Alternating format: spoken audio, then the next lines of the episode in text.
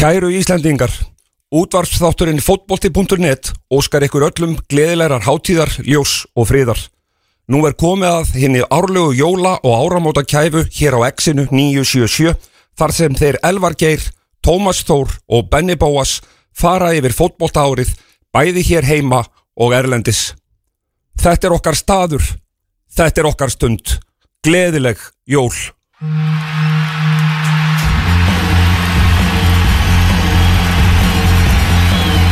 Grazie.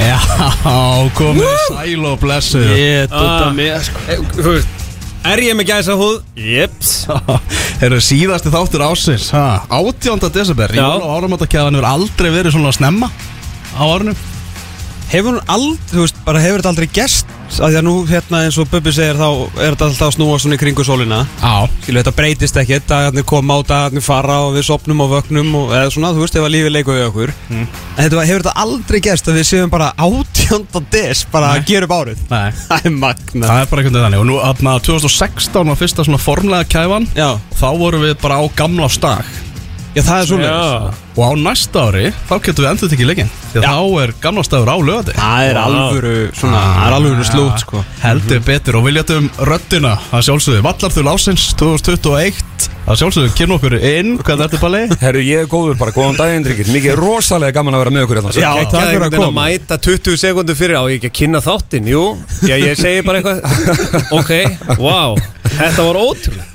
ótrúlega framvist að maður Það er nú einu sinni jól. Ég segi það, ég segi það Er þú ert komið með bara að betta hérna á Suðurlandsbrautinni? Já, það er bara, ég er búin að flytja lög heimileg mitt hingað, þannig að þetta er allt saman eins og, eins og á að vera um jólinn. Hvernig hérna Já, þú ert náttúrulega að lýsa öllum pílónum sem að fara í spjaldið bara frá því þetta fór á stað og það til hvernig er þetta búið? Er ekki nýjórn? 3. janúar. 3. janúar Já, mánudagur er 3. janúar, þá er úrslitaleikurinn. Og ertu búinn með jólagjafaköpin eða ertu með fólk í þessu? Herru, ég uh, gerði, uh, gó, ég uh, bara gerði góðan skurk, ég tók tvo tíma í gæri í þetta Ok og ég á örlítið eftir og ég voni ég nái því bara á aðfangadags morgun. Já, ég er bara að segja og er Og ef þú lendir ykkur í vissinni þá ertu að kaupa tvist og alls konar út á óli, sko Já, já, það er alltaf, alltaf að það bjarga sér, sko. Hugsi í lausnum, hugsi út fyrir bóksið. Nákvæmlega Krakkapíluleikurinn í gær, það var rosalegur sko. Já, ég er bara, ég hef alltaf búin að ná mér eftir hann þetta, þetta, var, þetta var svo að þetta skildi gerast Nýju pílna leikur, staðan er 2-2 Það er 2-2 í leggjum Og það er eitt leggur eftir Og menn henda bara á sínu fyrsta kvöldi í Allipalli Nýju pílur, ég er farin heim, takk fyrir mig.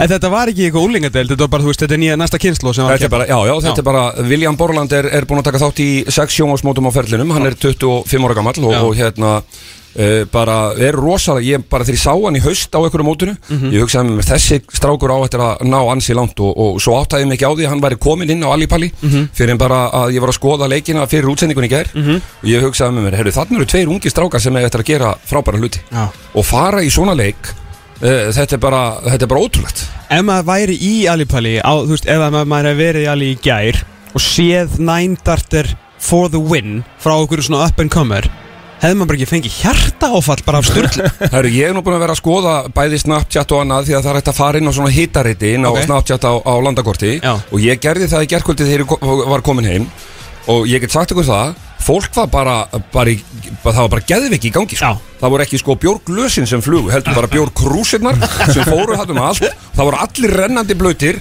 hásir og svo var það svo merkilegt þegar að, þetta var leikur 2 af 4 hann í gerkvöldi og þegar að þeir voru búnir þessi strákar þá var fólki í salnum þetta var bara eins og í jarðaför Já, bara búið það var bara, fólk bara Spennufallið bara. bara spennufalli var rosalegt Og það er gaman að eiga síðan aðaleikin og allir eitthvað svona Já, ég líka sagði það í útsendingun í gær Ég bara vorkendi mönnunum Já. sem komu inn í leikinu eftir þeim Þetta bara rosalegt sko. Hver vinnur þetta? Eh, Johnny Clayton, segi ég. Velsverinn 46 ára gammal Ég man ekki alveg hann er gammal Já. Hann er búin að vinna fjögur sjónvarsmót hjá PTC á þessu ári Mhm. og er búin að vera ótrúlega stöðugur og, og hérna, ef hann heldur áfram eins og hann hefur verið að gera þá held ég að hann klári þetta mót. Er þannig. Johnny Clayton. Já Þessi þáttu verður nú aðalega, undirláður fótbolta Við ætlum að gera upp árið í Já. Erlendis og, og hér heima Og veita velun í einhverjum 70 flokkum held ég. Ekki smá marki flokkar. Við erum að nú að komast yfir þetta allt Balið úr náttúrulega vallarþulur á, á lögatarsvelli Já, Við ætlum að reyna að vera hressir í, í þessu þætti. Margt náttúrulega neikvætt sem hefur átt sér stað á árinu. Og svona aðeins færri sem að þú ert að gigga fyrir núna. Þú ert vallarþulur á lögatarsvelli heldur en, heldur en oftast aðar Já, þetta er búið að vera sérkynlegt ár og ég man það þegar ég kom í fyrsta landsleikin í haust uh, að því nú er búið að skipta ég kynna engangu kallmennina og, og, Hulda Gerstóttir hefur tekið við vallaþjólastarfi á kvennaleikjunum.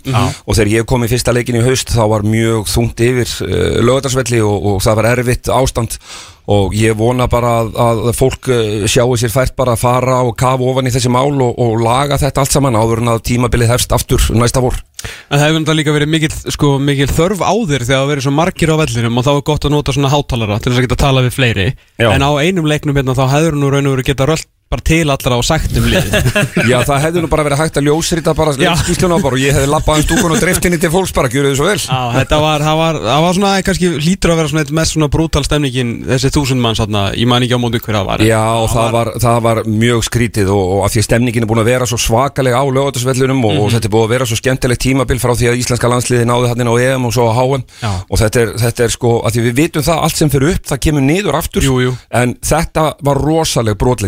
það það bæði ástandið inn á hjá sambandiru, Mhm. COVID og allt þetta og þetta er, þetta er alveg ótrúlega erfitt og þetta er ótrúlega vinna sem að uh, þarf að fara í gang hjá KSI til þess að uh, bara ná upp stemningun og tröstinu Ekki spurning, eh, sem betur fyrir að stelpunar okkar sviðið eh, árið 22 er að fara á EM og hérna Það verður spennandi mikil björnsýni með það, Já. skemmtilega lið og Já. er enda strákvæðin síðan var verið að draga í Já eins og náttúrulega sölustjóri í knastmjönd samans Íslands. Og maður er heldur uppi svolítið svona stemningunni og, og spennunni fyrir verkefnunum. Sem Arnóð þó við að svona sagði það, þá er þetta mjög óspennandi allt saman. Og svona. Sviðstjórin, strax byrja á svona aðeins að, að taka niður spara, en ég er, endur, ég er bara hlýði honum, þetta er að ég er ekkert spenntur fyrir þessu. E, í júni Nei, ég er með þegar að var búið að draga í þessa þjóðatild og hugsaði með mér, af hverju getum við Íslendingar aldrei fengið eitthvað stór þjóð svona mót eftir mót, Þískaland, England uh, Það var það ekki búið í þjóðadeildinni Nei, sko. nei, ég veit En, en þú það, veist, þar, en, geðu okkur allavega Skotland, Írland eða þú geðu okkur, geðu okkur Breta Já, og uh, Noreg. Mm -hmm. við hefðum þá verið til að, þú veist, það hefur verið svona við hefum verið peppari að vinna á, já sko. fá svíjana með slatan hérna í, í, í síðasta Já, sísóni eða eitthvað svona. sko. Já, já. Ég, þú veist, það er allt ekki lindi og við vorum að fá hérna bara bestu dómar heims alltaf á lögðarsvöld, bara skó mína að mæta og eitthvað. Góðina dóri Núna erum við að fá einhverja gauðra sem er búin að dæma einhverju krakkadeildum í Evrópu og eitthvað Já. Og síðan hvernig UEFA púsla saman þessu ferðalagi okkar í Vá. þjóðadeildinni sko. Við erum að Þetta tala um er- það Arna Viðarsson þarf að fara sko frá Belgíu Já, til Íslands Já. þar sem við keppum á móti Ísrael í fyrsta leik ok Svo er það leikur nummer tvö Þá erum við að fara til Rússlands Svo förum við aftur heim Og hefum heimaleik held ég á móti Albaníu Já, Og svo förum við aftur út og til Ísrael Í einum og sama glugganum sko. Já, þetta er ekki hægt. Ha? Sko UEFA, er- UEFA myndi ekki gera nokkur í- að Það er fáar þjóðir held ég sem að þau myndi bara koma svona fram við sko. Og alltaf þeir að borga bensínu á vilina Hvernig, hvað Sko kæft það eru heimsmarkmið Þú veist, þau, þau fóru bara út um gluggan í þessari Kolefnissporinu? Já. Þetta er alveg búið sko Já, þetta er ekki gott Einu kosturinn er að Ísland verður vantalega grænt eftir þetta Það þarf að kólefnisjafna svo mikið sko. Jésús sko Það verður bara heilu skólendin bara- hérna Ef Ólís Vá. ætlar að fara að planta tré á móti En það er ekki, ekki sponsorinn hinn minn Þú, er þetta tveir gluggar þá? eða? Nei, þetta er bara einn eða, þetta eru samtals tveir og tveir leikir í hinu glugganum sko.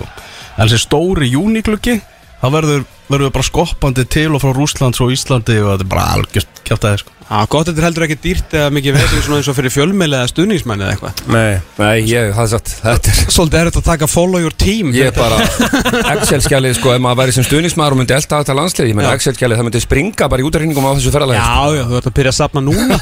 Já, lókala Er það nóg að pílu framöndan Páll Sævar bara takk kærlega fyrir að að- aðeins til okkar. Alltaf, alltaf gaman að fá þig Já, það er ég Páll Sævar eh, búin að eh, kynna inn þáttinn. Og þá getum við farið að halda partí halda veistlu hérna í allan dag til klukkan 2 og, og með hérna ímsu flokka.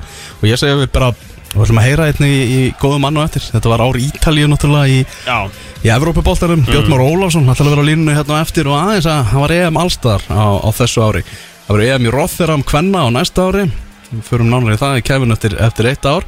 En ég segi að við byrjum bara á einhverjum skemmtilegum flokki, hér og nú Já, ég f- bara að- úr vöndu er að uh, velja verð ég nú eiginlega að uh, segja Já, með þess að 76 flokkar sem að eru, eru komnir.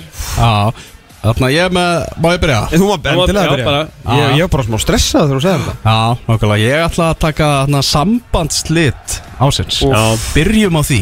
Okay. Það voru einhver, einhver sambandslit á, á árinu. Uh, Mauro Icardi og hún Vanda okkar. Já, ekki Sigurgeirs Nei, Vanda Nara já Þetta var líka svona mörg sambandslit Já, já. Á einni viku þá byrjuðu saman og hættu saman held ég fjórum sinnum eða eitthvað Geggja að vera svona kort Eða svona raungum með við þrítugt Þú veist bara fullori fólk sko mm. En taka svona úlinga ástina Já, Í beinni fyrir bara heiminn já Þetta hefur maður bara ekki séð áður held ég, sko. Ekki nema bara í Keeping Up with the Kardashians eða Já. eitthvað, sko.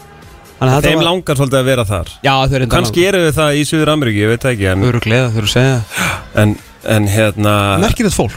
Mm, Já, og líka bara merkilegt hvað var mikil áhugi á þessu.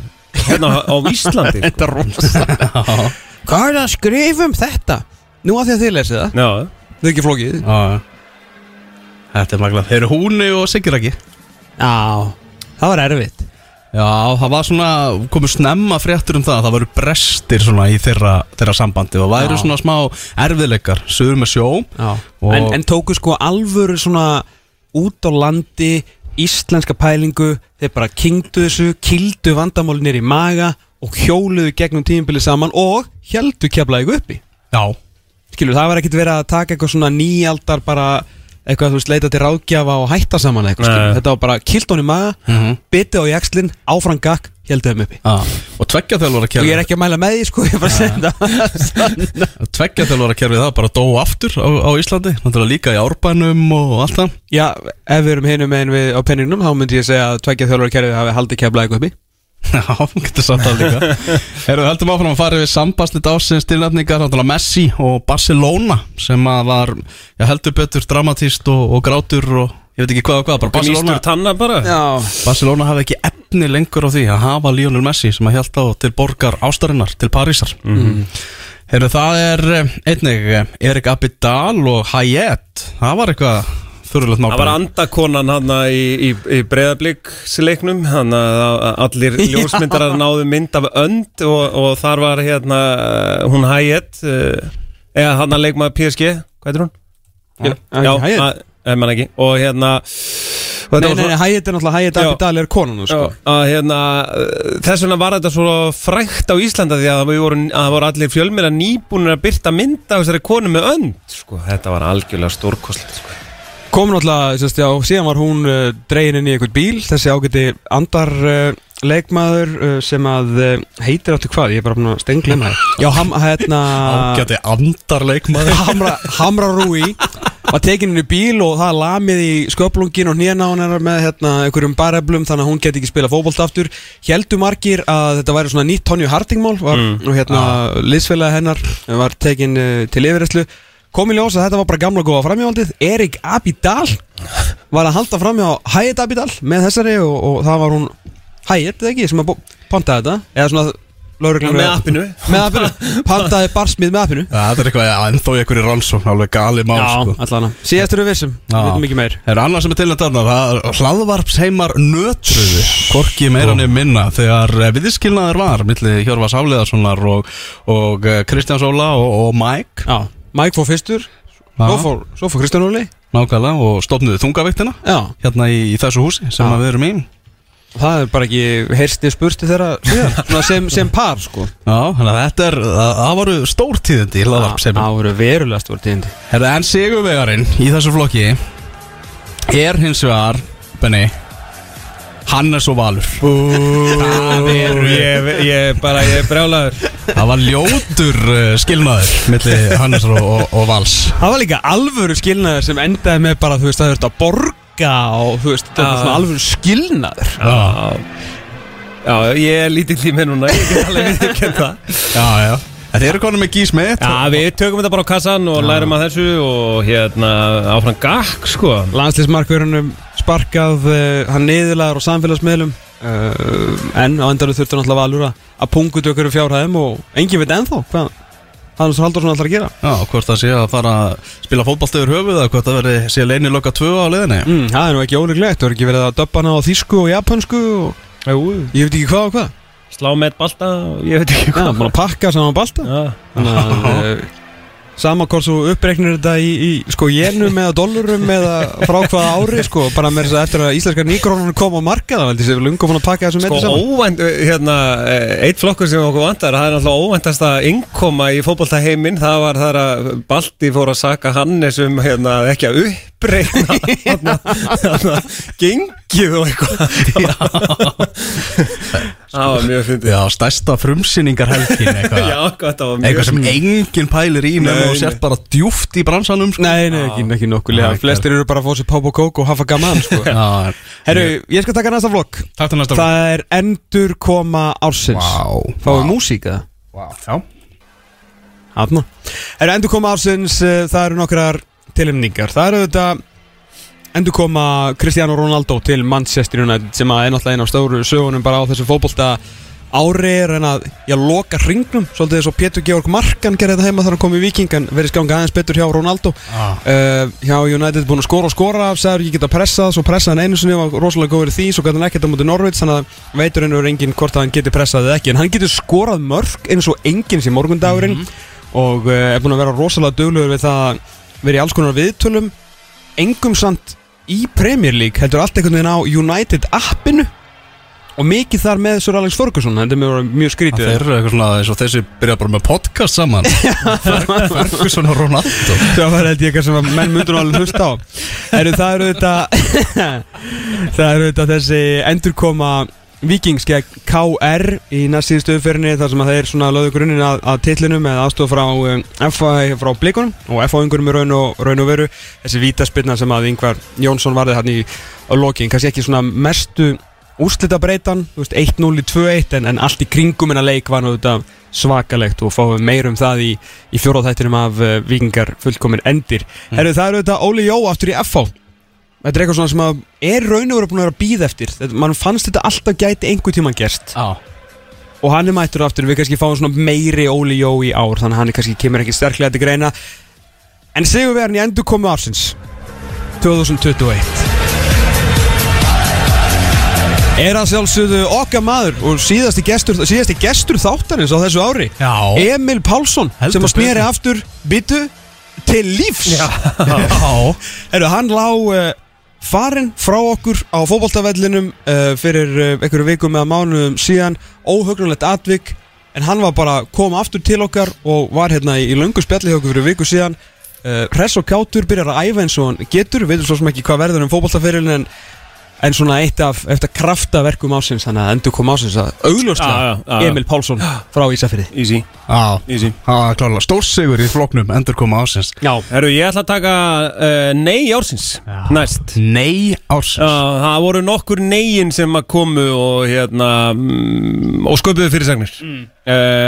Fyrsta er náttúrulega kannski þetta nei við ofurdildinni uh, Ofurdildin stopnu sett á laginnar uh, eða láti vita að þetta sto- stofna og Agnelli hættið og þessi hætti til, til að bara, þú veist, það er komið starf fyrir þá í ofurdildinni en heimurinn sagði einfallega bara nei. Já, Það er ennþá einhver félagsand sem eru svona svo ver og þrjósk að þau eru bara ennþá einhvern veginn um borði í lestinni. Já. Juventus og Real. Barca held ég. Þau eru bara ennþá þar. Já. Líka krísa í líka maður. Jú, jú Já, heldur betur.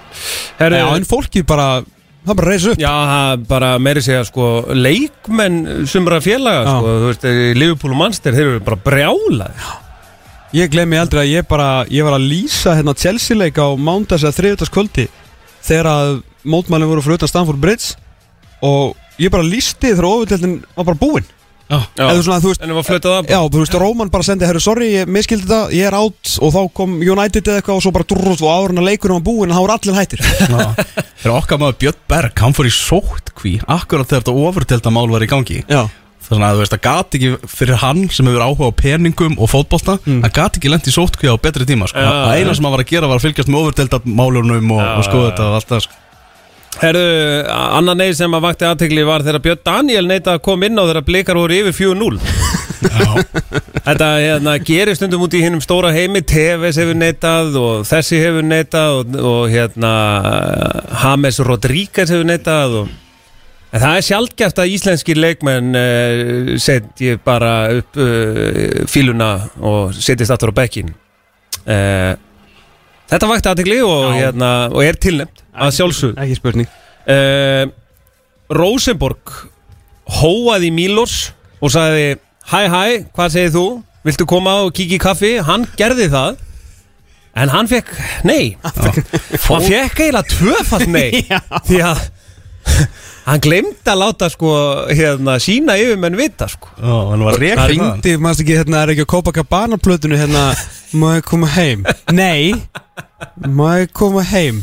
Nei Þetta Já, þú veist, það er náttúrulega ekki Það er ekkert komist við það að menn missi vinnuna og eitthvað annir En þetta, ég, mér fannst þetta komist. Já, maður mættur hann á flugvöllin í þrántemi og norsku blaðamennir að mynda hann í bak og fyrir. Já. Svo fór hann bara á, á sama flugvöll með skottið á myndi lappana Já, nei, já. Gleimdi vantin eins og Penny segir að láta menn vita og, og Hammarby er bara svona stoltur klúpur og lætur ekki koma svona fram við sig. Nei, en nei ársins uh, er Ég held þetta væri annar kapli í læginu en allt í læg Það var að flýta mér. Það Bara ómur. Herðu, nei ársins uh, Það er þegar Guðni lagði til að hann myndi stíga tímabundi til hliðar. Stjórnin sagði einfallega Nei. Já, Já þegar vesenni kom. Já. Guðni bara, ég fer í frí Ég stíga aðeins til hliðar. Ekki mikið, en smá. Nei, nei Nei, saði stjórnin. Það voru nokkur nei, það var góð nei á þessu ári. Já. Ég held að sé óvægt að segja það sko. Elvar? Já, ég ætla að taka við vorum með Palla hérna á það Komnið svona aðeins í smá svona landsliðsstæmi mm. Já. Það var þetta að sé bara Sigur ásins hjá íslenska karlalandsliðinu Já. Fótbolta. Ok. Vá, nú er ég spenntur. Það eru tveir sigrar sem þar koma til greina. Já. Það er fjögur eitt sigurinn á móti Liechtenstein úti. Úti sigurinn á móti Liechtenstein. Já, stórt. Fengum Og- okkur markur hotni en unnum samt Já, fjö, og svo fjögur núl sigurinn á móti Liechtenstein heima. Já. Og sigurverðin er fjögur núl sigurinn heima á móti Liechtenstein. Við erum að tala um Gjaldum hreinu, heldur betur. Já. Fengum Good Johnson mark og svona. Já. Þannig að Fimm ús manns á vellinum. Smá stemmari. Og það gæti náttúrulega líka verið tilnæmt í floknum Nostalgi ársins. Að Þetta er eins og í gamla dag og þá unnum við bara alltaf lélegasta liðið. Mm. En ekkert meir. Að þetta er svona Já, þú tekur heima sigurinn frekan út í sigurinn Já. Á erfiðum útivelli. Náðum clean sheet á erfiðum heimavelli og Á. Guðjónsson skoraði. Já, Það var, það var, var sögulínur hann Algjörlega. Það var líka búið að vera svo ógeðslega mikil neikvæðan einhvern veginn í, þú veist, kringumunarleik og bara yfir allt árið og allt það sko. Já, já. Að svona, þú veist, ok eðlilega þá rúlum við við líktanstæðan því að gera allar þjóðið það. en það var allavega svona smá, svona fólk gæti aðeins brosað og tekið vikingaklappið og eitthvað. Mhm, Ef að fara hérna í þessari að því að við nú erum komin í smá gleði og fara í fagnársins eða Já. Já, það Það er, mér finnst það gott, það er frábær flokkur sko. Er frábaflokkur og líka sá stærsti flokkurinn. Það Já er, það er þannig. Það er flestar tilnefningar Já, já, í já, fagn já. Já. Herðu, tilnefndir eru Bumbufag Gary Martin beint gegn eiganda IBVF Já, það var náttúrulega rosalegt. Ah. ah. Gary Martin var, var dramatík í kringum hann eins og, Nei. oft, eins og oft áður. Og Ok. hann var náttúrulega sparkað frá vestmannegum og svo mætti hann skoraði á hásteinsvelli bent upp í stúku á mannin sem hann var búin að vera í deilum við. Já. Að þykja laun frá? Tekja laun frá, Daniel Geir Moritz og, og tók bumbu fagnir en sem betur fyrir þá Daniel með breytt bak og, og, og, eins og að segja það veit hann hann er með bumbu og, Já, og breyðabumbu Já, og hann hafði mjög gaman að þessu. Já. Já, þú þarf að gera held ég eitthvað aðeins meira heldur en að taka bumbufagn á muffins eða á að fara að pyrra hann sko. Nú tala um hérna former sko finnast maður Íslands. Herðu, Mikael Andersson, hann uh, rendi sér á hnénu fyrir framann stuðnismenn uh, Midtjylland er það ekki? Og hérna þegar hann skoraði fyrir AGF og, Jú og gerði bara allt Danmörk crazy nánast. Já, ég myndi kalla þetta stuttur aðubæjar. Já, í, raun, já, í rauninni. Af því Já, að þú- frábært. FCM, Já. þess að stuðnismenni voru náttúrulega fyrir aftanda mark Já, það er rétt, það er En ég hefði viljað sjá hvort hann hefði tekið fullan aðubæjar eða þeir hefði verið hinum megin sko. Og ég er eiginlega Já. 100% vissum hann hefði gert það. Já, Hann virkar stundum alveg rugglaður sko. En þú fullur veist aðtibæjur Já. Já, En stuttur aðubæjar mjög gott. Er Herðu, uh, Fingurkoss Ísaks Bergmanns uh, Þetta svona, hérna Þetta, var, þetta er svona krú uh, Þetta er eiginlega velun í dullu Svona dulluflokkur Hvað dulla ásins Það var yngsti leikmaður Til að skora í landsleik Hljóp tilbaka og hljótt tilbaka og sendi fingurkost til uh, kærustunum sinna sem hann hefur búin að vera með í korter eða 20 myndur eða svo Fílíkum maður Fílíkum fyrirgjöf, fílíkum fílíkum- strákur Herðu, síðan uh, var dífufagn Jónsdags sem að hérna uh, Jóndagur er bara hann, hann er snillingur, Já. ég elsk hann uh, Það væri bara svo gaman ef við værum með Jóndag og Mikka á sikkurum kantinum mm. og þeir væru bara svona eins og Bass Brothers í Mighty Ducks 3 Já. Væri bara absolutely óþólandi Já. en við myndum elska En við elskum það. Já. Okkur vanda, sko, Íslendingur uh, Við þurfum að, hérna, við þurfum að sprengja upp uh, danska boltan Þú veist, Við þurfum að hérna, búa til stjórnur úr þessu. Þannig að við fá, þeir fá þá ást sem þeir eiga skilið. Eru Samúl Kári fagnaði fyrir framanbekk uh, Voleringa og baseball fagnaði hann Sævars. Já, það, var- það var náttúrulega það fag sem var tekið oftast af þessum fögnum á, á árinu. Já. Það var svona hans einkennisfagnum er búið til svona upp úr James Ward Prowse golffagninu nema hann tekur baseball sláttil sko. Já, Já, og hann er nú náttúrulega búin að taka þetta bæði í Pepsi Max deildinu og síðan í dönsku fyrstdeildinni ah, ok. Vilgjörn mm. Sigurinn er uh, Voðlega er lélegur í þessum tímasetningum. Já þetta er alltaf bara stundum neglum að þetta og þá er gaman. Já, mitt Serðu Sigurinn er uh, Hanna hvað Og hann er hingað kominn uh, Arnór Borg Guðjónsson uh, sem að uh, Já, var ekki leikmaður Víkings uh, formlega en fagnaði með Víking þegar þeir urðu Íslandsmeistarar Velkominn Arnór til hamingju hérna er Takk á bótið þessi hérna. hérna. Hérna. Þetta er bara Gaman að sjá þig Takk fyrir komuna, kærlega Já, hans menn í fylki þeir fjallu árinu. En Arna Borg fagnaði Íslandsmeistartillinu með vikingum sem að fór illa í árbæðinga Það er enda fylgd aldrei sögunni að það var hérna eða búið að banna honum að mæta og búið að henda honum út af Whatsapp-grúpunum og svona. Þannig að hann var ekkert sérstaklega velkomin heldur í árbænum sko. Já, Það er svona fannst honum bara betra að fara í vikina já ég skil Þetta var já, svolítið já. svona steinn og slengið sko. Já. En það er eins og það er sko. En góður sigurveri Já. samt. Og takk fyrir komuna Já, nákvæmlega, gaman, að- gaman að sjá þig. Herru, ef við ekki að taka okkur smá hlið Eitt flokk, eitt flokk, Eitt flokk í viðbót áður en við tökum úr hlið Já, eh, ef það er eitthvað sem að einkennir íslenska knaspinu þá er það, eh, já, allan á mörgum stöðum. Því miður pappa-pólitík ah. um, og líka bara pappar sem að eru bara mjög áberandi. Ah. og við erum með stórkostlanflokk í eh, flokknum pappi ársins 2021 Margir haldið þetta sé bara, þú veist, tengt við yngri flokkana. Alls ekki. Nei, nei, þetta nei, er nei, landsliðir bara Já. Mhm. Herðu, uh, það er uh, Andri Sigþórsson fyrir að uh, vera hér bara nánast daglega í fréttum og svona, og svona koma að fréttum um að reyna svona einhvern veginn að hóta því að Amanda Andradóttir sem stórafnilega myndi fara að spila með Noregi. Úi, Guðminn Almáttur sem held á Þorstein Halldórsson sem að eins og Steini Halldórs einum í lægið sko bara var alltaf Jájá Jájá, ok, það er bara, hún bara spilaði þegar hún spilaði sko. Tók ekki þátt í þessu leikriti Mm. og bara spilaði að myndi þú þurft að spila að vita allir að hún verður bara super duper góð sko. Mhm. en Steini var bara, slöppum bara af. Slöppum bara af sko. Hún er ekkert að fara til Norex sem er gott fyrir okkur.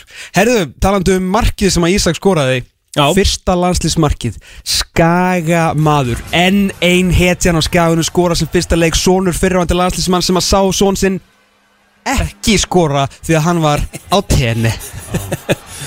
Misti af landsleiknum Misti líka undirbúninu fyrir að, Fyrri vikunni undirbúninu fyrir með svo Það skiptir einhver máli Síðan töpuðu 3-0 Við Þetta var Við hefum getað verið með sko misti af vegna að hann var á tenni ásins Magnús Már Einarsson missir af uh, áramótakjöfin Já, af því hann er endur á beni Já, hann er á Benetton Já. Herru, Jói Kalli var með þennan flokk. Já. Hann var með hann Já, já, last hann. Hann, hann var bara, þetta var komið. Pappi ásins átt að vera Jói Hann, Kalli hann var bara, þetta var komið. Síðan, fyrir fjórum dögum síðan cirka bát Neyðarfundur kæfunar Neyðarfundur. Kemur saman. Því að Þórhallur Dan Jóhansson Datt á hausin Tóti Dan var í viðtali eins og svo oft áður uh, Í minni skoðun þar sem hann er sérfræðingur hjá Valdi Byrni Frettin skrifuð upp Ég er búin að lesa le, frétt svona 20 sinum Ég trú ekki ennþá að þetta hefur gerst. Það sem að Þórhallur Dan urðaði yfir alla Þjálfari hérna, fylki sem veit ekki neitt Þegar þeir voru að spila um út á kanti. Mm. Davís Nóri Jónasson veit ekki raskat. Það veit ekkert. Enn eitt þjálfarinn sem kann ekki neitt Því að Davíð Dan A. var ekki að spila nóg mikið með landsliðinu Og B. hann var að spila sem vangbakur Davíð Snorri, eins og allir veit, veit ekki Einu Veit ekki neitt. Það veit ekkert um fótboll Það er- Þjálfara fylgis veit ekki neitt. Óskar Rafnreynda veit allt Mm. af því að hann, náttúrulega- hann kom hann inn og þeir unnu hátalarann um daginn og það var geggjað sko. Herðu, svo bara tvei veitum síðar er Tóti aftur í vittali og verið að tala um hérna pappa Frenkie de Jong sem er að skipta sér að hvert hann er að fara. Mm. og Þóraldur Dan, þessi annars mjögli skemmtikrættu segir hvað er pappans að skipta sér að þessu? Maður myndi aldrei láta þetta út úr sér. Augljó séu við er í floknum pappi ásins og alveg á síðustu stundu Þóraldur Dan Jóhansson Til hamingi Til hamingi Til hamingju með þetta, innilega, innilega. Takk fyrir komuna og það verður svona smá Svona smá veginn, það var fallið að fá því þetta Dóttir minn Pappi ásins, Þóraldur Dan, Tóti Dan og þjálfarinnir sem að veit ekki neitt Þeir eru að hlusta á X977, það er útastáttur í fótbolti.net og ekki bara það, heldur Jóla og Áramóta kæfan, við sittum innan þrýr, Elva Geir, Tómas Þór og Benedikt Bóas. Erum að fara yfir alltaf helsta sem átti sér stað 2021, smá kannski út út úr. Það var náttúrulega stórfréttu í, í vikunni þegar eh, Túfa var ráðinn þjálfari hjá Öster í, í Svíþjóð, þannig að hann er ekki lengur aðstöða þjálfari Heimis Guðjónssonar hjá Valsmönnum, þannig að nú eru Valsmenn í leita að aðstóðar þjálfara og sagan segir að Eður Smári Guðjónsson hafi verið á fundi hjá Berki í gær. Bara Eður Smári sé á blæði hjá valsmennu kemur kannski ekki á óvart þegar Eður Smári er, er laus og er náttúrulega fyrir um leikmaða valsmanna. Já, það kemur bara nákvæmlega ekki neitt á, á óvart og ég er svona, einmitt held að þeir myndu mögulega reyna klóran kannski frá landsliðinu og mögulega í stað heimis þegar að mm. svona Já, þeir hafa að vera allan að reyna að skrifa heimi frá val þó að Börku virtist nú vera nokkuð viss á því að, reyka alla leikmennina fyrir eitthvað en heimi og mm hérna halda trifið hann. Þannig að hérna um leið og túfa fór og bara fyrst að segja það, nú eru fyrsta síntal trúi orðin að það verði eigður hvernig sem að það svo verður. Náttúrulega erfitt að vera með hann sem aðstóðar þjálfara í því, þeim skilningi orðsinn sko. Já. En uh, náttúrulega reysast á prófílin en er þetta ekki að fara að gerast það? Jó, ég held það sko. Eh, Ég var svona sa sammála þeirra þegar að, hérna, maður sá að Túfa eh, var á, á leiðinni til Svíþjóðar þá, hérna, þá fór maður nú að þú veist, hvað segir maður? Maður setti 0,3 sekundur í það, hver eru lausir? Já, eyður, já, ok, heyrðu það hérna, alright það er bara fínt. Eins og heyrðu, það var bara, já, bara spurningin hvort að Eður sé bara klári í þetta núna. Algjörlega. þetta. Já, ég meina, hérna þeir töluðu nú aldrei fallega um hann F-hóingar og, Mhm. og hérna að vera svona daglega á grassinu eða gerðu grassinu nýja glæsilega færi að grassinu okkar og að Mhm. hérna Er það komið? já, það er komið Ó, næs uh, en ég vona nú samt að það hef ekki orsakað það að hérna það hefði slítið krossbandið á Fandisi sko Nei, uh, var það á æfingu? Já, ég held það Ok uh, Svo hérna En þú veist bara að hafa Egið þarna nýr í félaginu Félaginu sem að uh, Já, svona hann sló í gegn með uh, Pakkaði Steina Halldór saman Mhm. Jú, jú. Fræri YouTube-klippu eins og Hérna, hvað var hann, 15 ára? Jú. Ekki? Jú. Og hérna mm, Ég meina það bara Eður og Valur eru bara eins og egg og bacon Mhm. Þetta passar saman og talandu um að passa saman þetta er nú bara svona bref og talaður um að Sölvekir Ottesen kom inn í teimið hjá Víkingum Já, ég, var sá hann um Hvað hverju sá ég hann um daginn á hliðalínni? Hvað var það? Í bósmótið eða? Já, það, hann er búin að vera eitthvað Já, sko, hann var svona. Já, hann hefur náttúrulega ekkert að gera sko hann náttúrulega var í hérna hann var í aðgerð á kjálka eða eitthvað slíkt sem mm. er búin að vera í lengi í undirbúningi fyrir Mm. og hérna býr náttúrulega í undralandi það tekur hann um það bil 47 sekundur að í ving Sölvi í Öndralandi Sölvi undralandi og hérna hann, hann röldi náttúrulega mikið hérna nýri ving og hann alltaf verið að reyna að halda þessu breintrösti innan félagsins, Kári er alltaf settur inn á skrifstofu og hérna kemur ekkert óvart ef að Sölvi kemur þeir, ég bara veit ekkert hvað hérna, hvað er hann, hvað er svona hans metnaður og bara áhugi akkurat núna líkur sko, hann alltaf er að reyka fyrirtæki og hérna, hann, ég veit bara ekki hvort að ég veit alltaf það er mikill áhugi fyrir að fá hann í teimið sko mm -hmm. Skiljanlega. Já, skiljanlega. algjörlega, þó að ekki, veist, hann þarf ekki að gera hann þarf bara að segja mörgum að rífa sig í gang. Já, þetta eru karakterar sem að menn vilja halda í. Líka með smá reynslu úr alþjóðabólta og svona, ég held að hann eigi nú kannski trekkið að tvö upp í, í erminni sko. Já, líka, þú ert búin að vera að skýta í fyrirháleik og kemur inn í klefa og sölvi og kári. Já, þú vilt, þú vilt vera með þetta Þú veist, þeir eru bara, já Þú veist, þú vilt ekki fá þá í andlitið bara, Nei. Þú veist, jafnvel þó að veist, það var kannski öðruvísi það, það er öðruvísi þegar þú ert leikmaður, sko og sölvi kemur og standur yfir þér en núna er hann bara í, þú veist, úlpunni. Já, það er ábyggilega ekkit sérst Nei, allan ekki til í það sko. Ákvæmlega Eru Valgeir Valgeirsson, hann er ennþá bara í HK Já, Var Já. íþróttabara Íþróttamaður HK Þú þarft nú ekki að gera mikið meira upp í fullum Nefn að bara vera svona með slakari mönnum Næst lélegast að lesa sig í Kópói Mhm. Nei, næst lélegast að lesa sig í Pepsi Max Og ofrendir í Kópói Það var ekki að segja neitt ránt Já. Leiðrétting ársins. Förum í flokkin Það er bara þannig að verðmiðin heyri maður er bara æmintýralegur á Valgeir Valgeirsson Hákaðingar er bara ekkert að grínast með það. Þeir alltaf bara Er það ekki að þeir ætla sér að lána hann? Að þeir ætla sér upp? Ég held bara verðmiðin væri bara 15 miljónir eða eitthvað Já, blessaður Og bara, já, í hvaða heimi erum við sko Já, það er ekki, kannski ekki alveg að, alveg að fara að eh, gerast sko Herru, er komin aðstóðþjónari upp í fjöllum? Upp í fjöllum Upp í kór?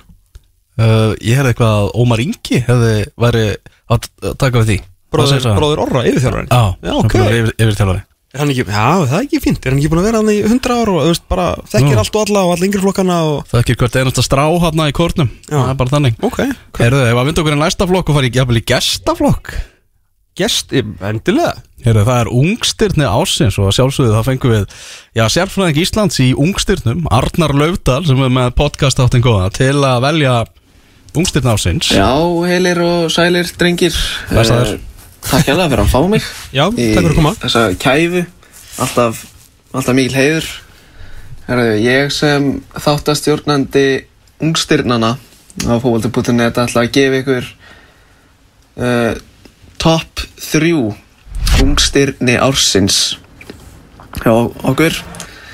Þetta verður ekki svona, eins hefðbundin listi og menn kannski búast við. Þetta verður ekki Haaland og Petri og Foden í top 3 Þetta verður kannski aðeins aðeins fjölbreyttara. Ok, spenntur. Herru, ef við byrjum á þriðja sætinu þá er það leikmaður úr, úr Salzburg projektinu, það er Karim Adeyemi. Já. Hann er komin með átján mörg og fjóra stóðsetningar í 25 leikjum að þessum er að þessu tímanbili bæði austurísku deildinni og meistaradeildinni Það er rosa mikið. Virkilega efnilegur drengur sem búin að eiga frábært ár. Í öðru sæti er það Dusan Vlahovic leikmaður Fiorentina. Já, hann er Strákur spennandi fættur 2000 og ég ætla að taka fram að Karim Adiemi er fættur 2002 Shit. Það eru Dusan Vlahovic er komið með 17 mörg í 19 leikjum og þrjá stöðsningar fyrir Fiorentina bara á þessu tímabili wow. og átti frábært uh, frábæra lokarsprett í fyrra í seri A. Og í fyrsta sæti er það engin annar en hver? Bayer Leverkusen Florian Wirtz. Strákur fættur 2003 takk fyrir. Ok. Búinn að spila 19 leiki á þessu tímabili í öllum keppnum múinn skora 8 mörg og leggja upp 11 það sem er náttúrulega bara fáránlega tölfræði. það er ruglað. hann er ennþá 18 ára kallinn og hann er líka komin inn í 18 ára Þíska kallið landslið og ég veit ekki hvað og hvað. Þannig þetta eru allavega okkar svona top 3 listi af ungstyrnum ásins 2021 Og góður listi Góður Takk listi. hérlega fyrir mig. Já, takk fyrir okkur. Takk frekar. Já, Arnar þarna Var ekki, er ekki, ekki Siggi, Siggi Lauf eða bróðir hans eða? Var ekki eitthvað rockari sem geta lagið einn dag í einu? Helviti gott lag. Ok. Það er einhver kokkur sem heitir uh, Löfdal sko. Ah. Heldur hendur að hann heitir líka Arnar Löfdal Það eru brótandi tíðindi úr ennsku úrvalsdeildinni. Dun, dun, dun. Another one bites the dust. No. dun, dun, Jæja. dun, dun. Það er búið að fresta Aston Villa Burnley til miður sem átt að vera klukkan þrjú í dag. Þá er aðeins einn leikur eftir í dag Reyndar geggjaður leikur. Arsenal Leeds klukkan eh, 17.30 Og Mark Sirpan verður síðan uh, beint eftir hann Það sem að verður fjallaðum Nei, hún er endar ekkert út að ská Það er eini leikur dagsins er uh, viðregn Aston Villa á Leeds sem hefst klukkan 17.00 þar sem var fyrst og frestað United Brighton Mhm. Svo fóru allir leikirnir klukkan þrjú sem sagt í gær fóru hinir þrýr leikirnir Southampton og eitthvað dot. Svo, núna bara rétt í þessu Premier League says the decision to postpone Villa Burnley was based on based on the number of COVID-19 cases, injuries and illness at Aston Villa Þannig að uh, það er uh, bara eitt leikur í dag og síðan uh, þrýr leikir á morgun. Svona, Vonandi. sjáum til með það. Já, Ætlar þú þá að fara út á völl á morgun? Þú veist, það, það, Hvað? En fyrir þá rætt, rætti spáinni á Henry Winter um að Match of the Day myndi standa undir lafni. Þetta verður actually match of the day. Já, Þannig að á morgun þá ætlum ég og Eður Smára að fara með sérst völlunum verður hérna á laugardagsvelli eða sérst nút á gerðugrassinu á laugadalum og hann við ætlar að taka víti á mig Já. í svona hálftíma. Verður og spila svona hratt undir fyndinni tónlist. Þegar ég veri, já. Já. uh, Hérna, einmitt. Það verður í slóma uh, Já, þetta verður, þetta verður mjög mjög Já. aðtilvært mm. Klukkutíma program eða? Eða hvað er það að tala? Nei, við ætlum að fara yfir mörginni og Margrét Lára bara á morgun. En það uppbyttum fyrir tóttina Liverpool. Já, Já. Hann er ennþá hann Hann er on og verður on. Já. Heyrðu, ef við ekki að fara í næsta flokk? Hvað Næsta- er næstur okkur? hmm, Ef að fara bara í Ef að fara bara í samfélagsmiðla stjórnuna Samfélagsmiðla stjarnar Já. ásins Já, Ég er svona að spá í það. Já hvað Er það ekki? Hvað með það, Benni? Heyrðu- Komdu með það. Það er uh, Kristall Máni Hann er náttúrulega uh, að láta okkur gömlu kallana svona aðeins uh, láta sko vita að við séum gamlir með því að vera stjarnar á TikTok. Heita Kristallmáni Heit, uh, Já, og vera bara hress þar uh, Svona maður er búin að kalla eftir því að, að hérna, fótbolltastrákar uh, taki og verði stjarnar á samfélagsmiðlum og hann gerði það svo ummunaði og eftir var tekið. Að fylgismenn uh, sungu hann til hans og hann skellti nokkurum í grímuna þeim og Já, ég sungum að Og- sökkað á TikTok. Það var söngurinn. Já, ok. Já. Kemur bara algjör bull. Já, svo Já. hann var leikmaður umferðunar hann í 3-0 sigri Svo sett hann eitthvað þrennu og tók mynd af sér á Twitter með boltanum og eitthvað. Já, Já.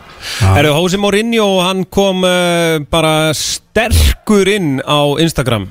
Uh, Honorable Mention Roy Keane líka Búin að vera frábær uh, En Hósi Mourinho hérna fór að tala um domgæslun á Instagram og hérna Hann fann nýja var- leiðir til að tuði við Já, tókjæslu það var mjög fyndið og ég skemmti mig vel. En hann byrjaði nefnilega skemmtilega að vera alltaf hérna, sína sig bara að vera að borða pizza og pasta eftir leiki. Já, Má svona, á, ok, hann svona kann svolítið leikin en hann gerir svolítið aðgengilega en mm -hmm. var þetta allt bara, já. allt bara falskt til þess að fara að tuða. Mm um, Einnig tilnefndur uh, Paul Scholes sem svona einhvern veginn Ég veit bara ekki ennþá hvað sko, ef þú, hefur, ef þú segir að sko, Þóraldur Dan hafi dottið á hausinn ég veit ekki á hvað Paul Scholes datt Kom aldrei neina útskýring á þessu?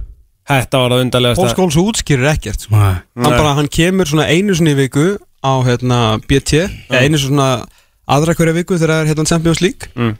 og stundum eitthvað á Premier League TV og eitthvað svona. Annars er hann bara heima á sér. Já Hann var að já, sleikja tærnar á henni. Þetta var það undarlegast bara Já. Ég heimi. Já. En það það er bara eitt sigur í þessu sko.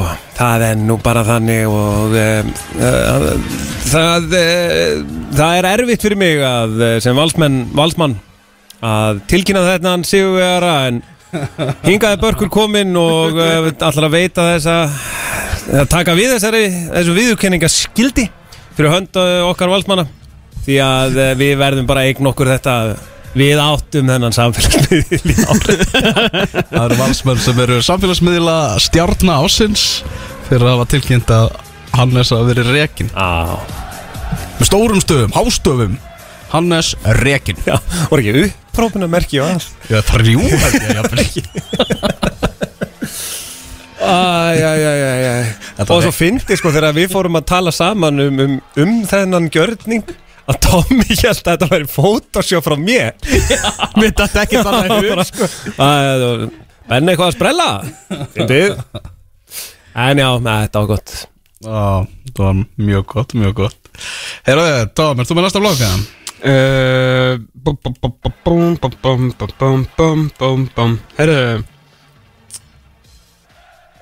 Herru förum í uh, Rúlum upp í uh, AB Rivertown, Árbær. Það sem við erum með flokkin Fylgir ársins. Fylgir ásins mm.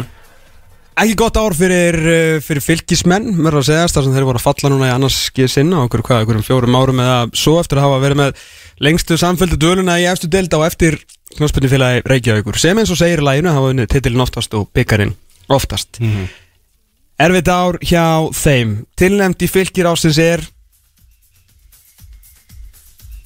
wow. Veri ekki með aðalmarkmann. Byrjuðu móti með honum uh, Óla Lilla sem var síðan ekkert aðalmarkmann síðan hérna kom Aron Snærin og þetta einhvern veginn fór allir skrúna það vissi ekki hver aðalmarkmann en aðalmarkmann var samt svo góður að hann er komin í káir Ekki glemma því. Já, reynda varði voða lítið og fjall en hann er komin í knarspilið fyrir Reykjavíkur. Nú uh, Tilhendi fylgir ásins er sumulegis líka auðvitað að spila með Dag Dan á kantinu þegar hann er augljóslega miðjumæður Það er augljóst. Það seg- það segir sér sjálf Bara augljóst. Voru ekki að hlusta á Tóta um daginn? Heldur betur. Já, en Óskar sem allt veit eins og Tóta, hann var snillingur sko. Snillingur. Hann er með hann á miðinni Og hérna tóku hérna hátalarleikin og plökkuðu hann saman með Dag Dan á miðinni En Sigurverðin í, í fylgir ásins Eru ekki bara það er tvíþent Tvíþent, tvíþætt Það eru kaupin á Jordan Brown sem voru þú lélugustu sem hafa séð. Svo lélugur að þetta var svona nánast eins og í körfunni þegar hann var bara sendur heim En hann var samt bara einhvern veginn sendur heim í það sem hann bjóði í viðrásnum eða eitthvað sko. Ég held að hann hef ekki vilja að fara. Nei, var það var bara gaman. Bara reynt að láta hann fara heim. Já, en hann neitaði bara. Já. Og hann var hérna. Og samhliða því náttúrulega var Á meðan hann neitaði að fara Og hvarf ekki Að þá hvarf Jair. Já, Hann bara fór Fór okkur reynslu og lík tú eða eitthvað? Þeir voru alveg trilltir hérna eftir svona 6-7 fyrir að það var ekki verið að tala um Jair Parfit Williamson besta leikmann í deildinni. Já. Áttu að vera lúmst besti leikmann í deildinni En síðan var hann svo lúmskur og læfis að hann bara læti spurt og hvarf. Þannig að fylgir ásins er hvarf Jair og kaupin á Jordan Brown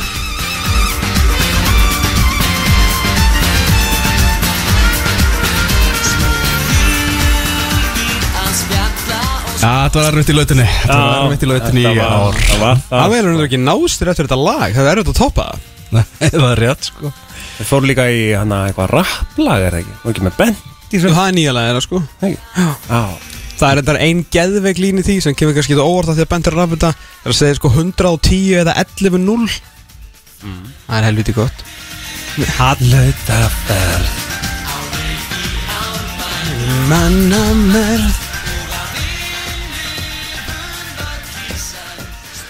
Heyrðu, við getum ekki hort fram hjá því að það var COVID á, á þessu ári og verður Sem áfram COVID öllum og hinnum árunum verið störa Fengum nýtt ábreyði frá Afríku og allir hressir. Aldrei verið meiri röð fyrir utan Suðurlandsbreytan en akkurat núna hérna í Já, bráðpróf Og þú getur ekki tekið hraðbróf fyrir hérna á þriðudaginn Og reynda mjög fyndið sér sá á Twitter í gæðar að það er hérna eitthvað eh, kæra ríkistjórn eða eitthvað. Hvernig á ég að færi hraðbróf til að fara þegar það er ekki laust í hraðbróf Ég er svona, "Ah, ok, þú veist, svolítið þér að kenna, þú ert ekki búin að því En þá kom eitthvað svona flytjandi úr sinfóníinu eða eitthvað Og tvítið á móti eitthvað Já, sérst, ég þarf ekki að flytja tónlistina sem þetta fólk er að reyna að fara að horfa Og ég þarf að vera hraðbróf og ég kemst ekki Já. Þannig að það vantar bara eina fyllu held ég í sinfóníinu í kvöld Það verður bara að spila þess að uppi sko Já. En ekki niður, það verður ekki þarna. vantar hann að djúpa fyllinu sko Sellóið.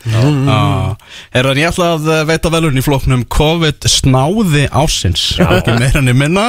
Ég held að þetta sé fyrst árið sem við veitum þessi velun í þessu flokki. Og það Og eru vonandi það sé.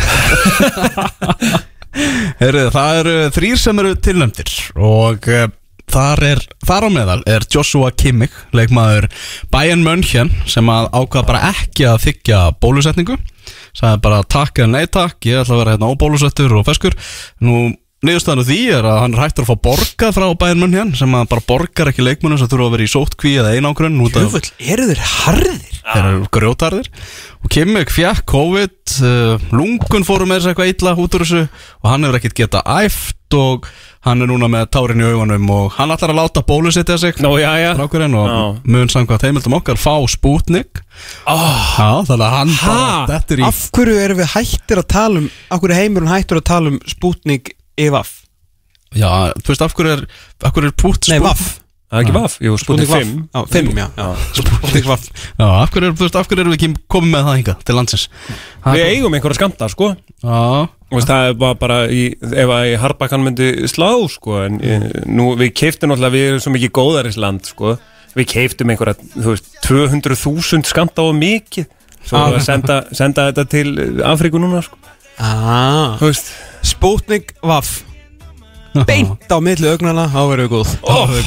Er það annað sem er tilnæmt þess að COVID snáði ásins Það er Andreas Manga Escobar sem spilaði, spilaði með leiknismönnum í sumar. Maður sem átti skó með vangjum Hann ákvað nú heldur betur að skella sér í bólusetningu og ákvað að gera það bara rétt fyrir leika móti Ía.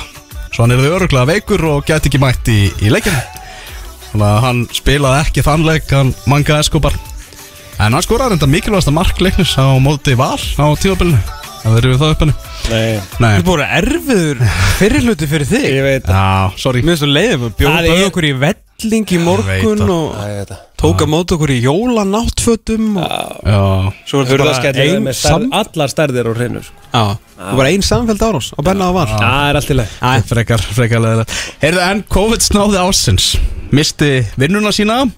Uh, Það er engin annar en Markus Anfang sem var eh, stjóri Werder Bremen í Bundesliga 2 í Þýskalandi sem að, eh, já, fekk sér ekki bólusetningu en ákveða að fá sér falsað bólusetningavottor til að þurfi ekki að fara í sótkvíð þegar einhver leikmaður hans smitaðist var eitthvað mjög vafasamt bólusetningavottorið meðan annars hann að hafa fyrir eitthvað bólusetningu í Köln þegar hann var að spila allt annar staðar í Þýskalandi á sama tíma og mönnum grunnaði nú að vera eitthvað skrítið í gangi. Mm. Þannig að ég held að það sé búið að klippa með svo þjálfara skýrtinni hjá Markus Anfang sem að redda sér fölsuðu bólusetningavottorið Og ef ég þekki þjóðverðar rétt þá var bara kortið hans tekið og klift. Bara eins og vísakort sem er búið með heimildina. Og ef ég þekki þjóður að rétt Þá fannst þeim þetta ekkert fyndið. Nei, dinnaða Þannig að Já, En auðveldur sigurveri myndi ég nú segja. Herðu, mér langar að fara í kjánarhóll ásins Í kjö, kjölfarið á þessu þá hérna Það var náttúrulega rætt um hvort að anfangin ætti að vera í kjánarhóllinum en, en hérna uh, nefndin sem að fer yfir þessa flokka uh, sannmæltist um það að, að hérna, hann ætti að vera COVID-snáðin En kjón, kjánarhóllur ársins er uh, tilnefndir eru nýlegur meistaradeildardráttur þar sem að uh, einhvern veginn allt fór í skrúuna einhvern veginn og Arshavin hann hann skildi ekki neitt sko. allir hann viti bara hvað hann hefði verið að gera? nei, hann, he got hit by the bus. Já, allt augnaráð og annað þetta var ógætlega hann kom bara heim og hvað, hvað varst að gera á hann? Ég veit ekki, bara draga miða og voða gaman. Hitta skemmtilega kalla Marketti Heru, uh, Það vakti nú aðtegli að uh, Káa átti ekki sín, uh, sinn völl og uh, eftirtildalið uh, Káa þurfti að spila sína heimaleiki á Dalvík Kjánalegt fyrir uh, bæjarfélagi Sem er, sem er búið að svara. Já. loksins loksins er, búið, er, er þetta meitlað í stein Káa fær sitt svæði. 2024 Æ, þetta átti að vera voða gálegt en þetta hljómaði eitthvað Ég áskalega man að var langt í þetta, það er einhver fjögur að fimm. Já, það er einhver Fjögur. Fjögur. Þannig að Íslandsdeildin verður á Dallas á næsta ári. Já, já, Já, heldur og, betur. og, En það er alltaf læga því að nú vita menn svarið sko. Þetta mun taka enda Herðu, það sem að vakti gríðarlegan kjánarhóll einhvern veginn og var mjög skrítið var að uh, það var mikið rætt, mikið ritað og mikið fjallað um að Sölvisnær Guðbjargarsson uh, skildi uh, fara yfir í, svona vera á leiðin í breyðablík og allt var brjálað og allt var fór á hjörunum og, og annað En það einhvern veginn konaði svolítið. Þetta var nú bara eitt kjánalegasta bara much ado about nothing sko. Já, það er eiginlega much ado about nothing ársins. Já. Já, Það fór bara að byrja strættir af því sko að hann væri ekki einu svona í takt við leikmenn á æfingum sko. Nei, nei, þetta var eitthvað, það var eitthvað skrítið þarna. Já, já. Uh, En áfram með uppjá Sölva. Heldur Já. betur. En uh, já, Sigurvegari ársins í kjánarhóllur uh, ársins uh, 2021 uh, Það var bara eitt sem kom til greina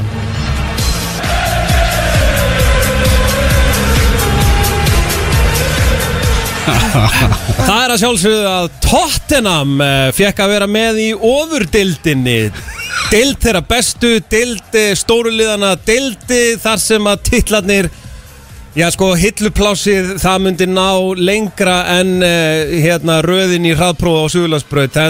Þannig eru lið sem að hafa verið sigursæl frá 1800 Af einhverjum furðulegum ástæðum komst uh, Jose Mourinho með lið Tottenham í ofurdildina AC Milan 20 pluss titlar Juventus 27 Manchester United 20 eh, Arsenal einhvern endalaust. En Tottenham sem að vann síðast eldina árið 1970 61 Já, já, og er áttfaldur byggamestari síðast árið 1991 á svo stóran völl að þeir voru mættir í ofurdeildinni.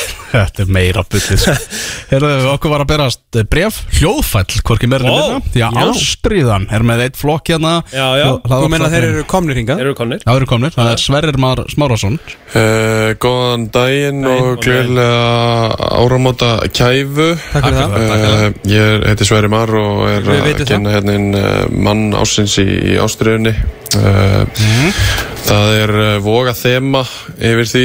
Uh, Þróttu vogum náttúrulega fóru í fyrsta skipti upp í, í, í fyrstu delt á árinu. Uh, í þriða sæti hjá okkur í, í maður ásins uh, er Sigur Gísli Bond Snorarsson hann uh, snýri blaðinu sínu heldur betur við í, á þessu ári og okkur fannst hann, hann eiga þetta fyllilega skilið. Uh, í öðru sæti er það uh, KVAF þjálfari Sigurvin Ólafsson fyrir uh, sína ástriðu í því sem hann hefur gert með, með KVAF þeir að sjálfsögðu fóru sömu leiðis upp í, í fyrstu delt og uh, maður ásins er að sjálfsögðu Marteinn Ægjesson uh, framkvæmtastjóri þrótt á vógum og við tilkynnt það sem er leiðis í, í síðasta þætti hjá okkur. Ákvæðlega Martin Ægjesson, að sjálfsögðu, voga ítöfu kongurinn og maðurinn hann bak við tjöldin sem að bara hefur búin að koma þrótti vóum, draumar hafa ræst hjá honum, misti reyndar hemma reyða, reyðas en, en Eður Ben Eriksson, hann er mættur hann til að stýra þessu í lengjutjöldinni á, á komandi ári. Þannig að Þróttar er í góðum höndum þar Mikil toppmaður, hann eður og ég e, býði eiginlega bara ég, veist, ég held svo mikið með honum að því að sko hann er e, sem sagt e, hann er alltaf búinn og búinn. Hann er í val, eða var alltaf búinn og búinn og var alltaf aðstóða og bara metnaðurinn og sem hann hérna var með e, til eftirbreytni. Mm. og ég skildi alveg svona þetta skref sko. Já, og Já, bara já. hlakka til að sjá hvað verður. Algjörlega, svo var þetta líka að setja hann í flokkin fréttamaður ásins, en það er svo sem mannum mál. Uh, Við förum uh, í næst í flokkin uh, stuðningsmaður eða stuðningsmenn ársins. Já. Fótboltin er ekki dán stuðningsmanna. Nei, það sagði þannig. Það vitum við, það vitum við. Og þeir eru jafn, misjafnir og röglæðir og þeir eru margir og skemmtilegir. Og þetta eru tilnæmdir í tilnæmdir í flokknum stuðningsmenn ársins. Margir sem heldur kannski að þetta væri sigurvegarinn en hann er samt bara tilnæmdur Það er áhorfundin á leik Samherja og Léttis í fjórundildinni í sumar sem að var eitthvað að betta á leikin og svo var dómarinn eitthvað eðilegja fyrir honum bettið og stemdi það að hann væri kannski ekki að komast til tenni þannig að hann réðist á dómarann með garð, nei, hann var í garstól og réðist á dómarann og sparkaði hann eftir leik og ekki nóg með að beita hann ofbeldi á vellinum sjálfum heldur var hann ennþá svo reyður þegar hann kom heim. Vantilega þurfti að taka yfirdrátt fyrir staðan Já. að borga hann með bettinu. Að hann ringdi í dómarann líka og stóði ykkur um hóturum Já. Ótrúlega þessi maður sé ekki að vinna. En við viljum þetta ekki að ofbeldismenn vinni svona flotta flokka. Nei. en Ef árið 2021 kent okkur eitthvað á, e, sko, þeir eru, það er búið að flauta þá af. Ja, algjörlega Hann var vist með svona tjaldstólinn í hendinni og svona, oh, þetta ætla að vera að nota hans sem vopn. Það er svo sjokkir en þessi ekki að vinna. Já. Herru, það eru þetta stundismenn Englands í úrslutaleiknum á Wembley sem að voru eins tjálaleir og hægt var voru búin að vera á uh, pub og spýtti frá svona 11 morgunin allsbyrjur upp á strætó. Áttistandingin með það þannig að þeir fóru bara sjálfur hann á völlin og var tryggt að viðurregn England og Ítalju sem var emitt, jú, úrslutaleikur í EM sem fyrir fram í uh, mestaradelt landsliða nú í júni verður fyrir luktum dyrum á Wembley. Já. búið að refsa þeim fyrir það og skýrslanum hennan leikir er, er svört. Tilundir einnig eru stuðningsmenn fram fyrir að bara finnast? Bara vera til. Bara vera til, ég, við fórum á nokkra framleiki og ég gleymi aldrei þegar ég fórum í Mosó þar voru bara okkur 400 framarar. Já. ég hef bara ekki séð þetta fólk í háa hærnast tíð Og líka bara öllum aldrei alveg bara, þú veist, ungið og svona ungi framarar og, og aðeins eldri framarar og miðaldra framarar og gamlir framarar og, og náttúrulega kannski sérstaklega auðvitað hann hvað köllum við á hann höfðingjalestina Pétur Ámslef og, og svo þegar Gunni situr svona sem the chosen one. Já, öldungaráð öldungaráðið. Að hérna Ástrík og er ráð hann Þannig að stuðnismenn fram bara fyrir að vera til. Uh, bara höfum saknað ykkar og velkomin aftur. En stuðningsmenn ársins. 2021 Við leitum ekki langt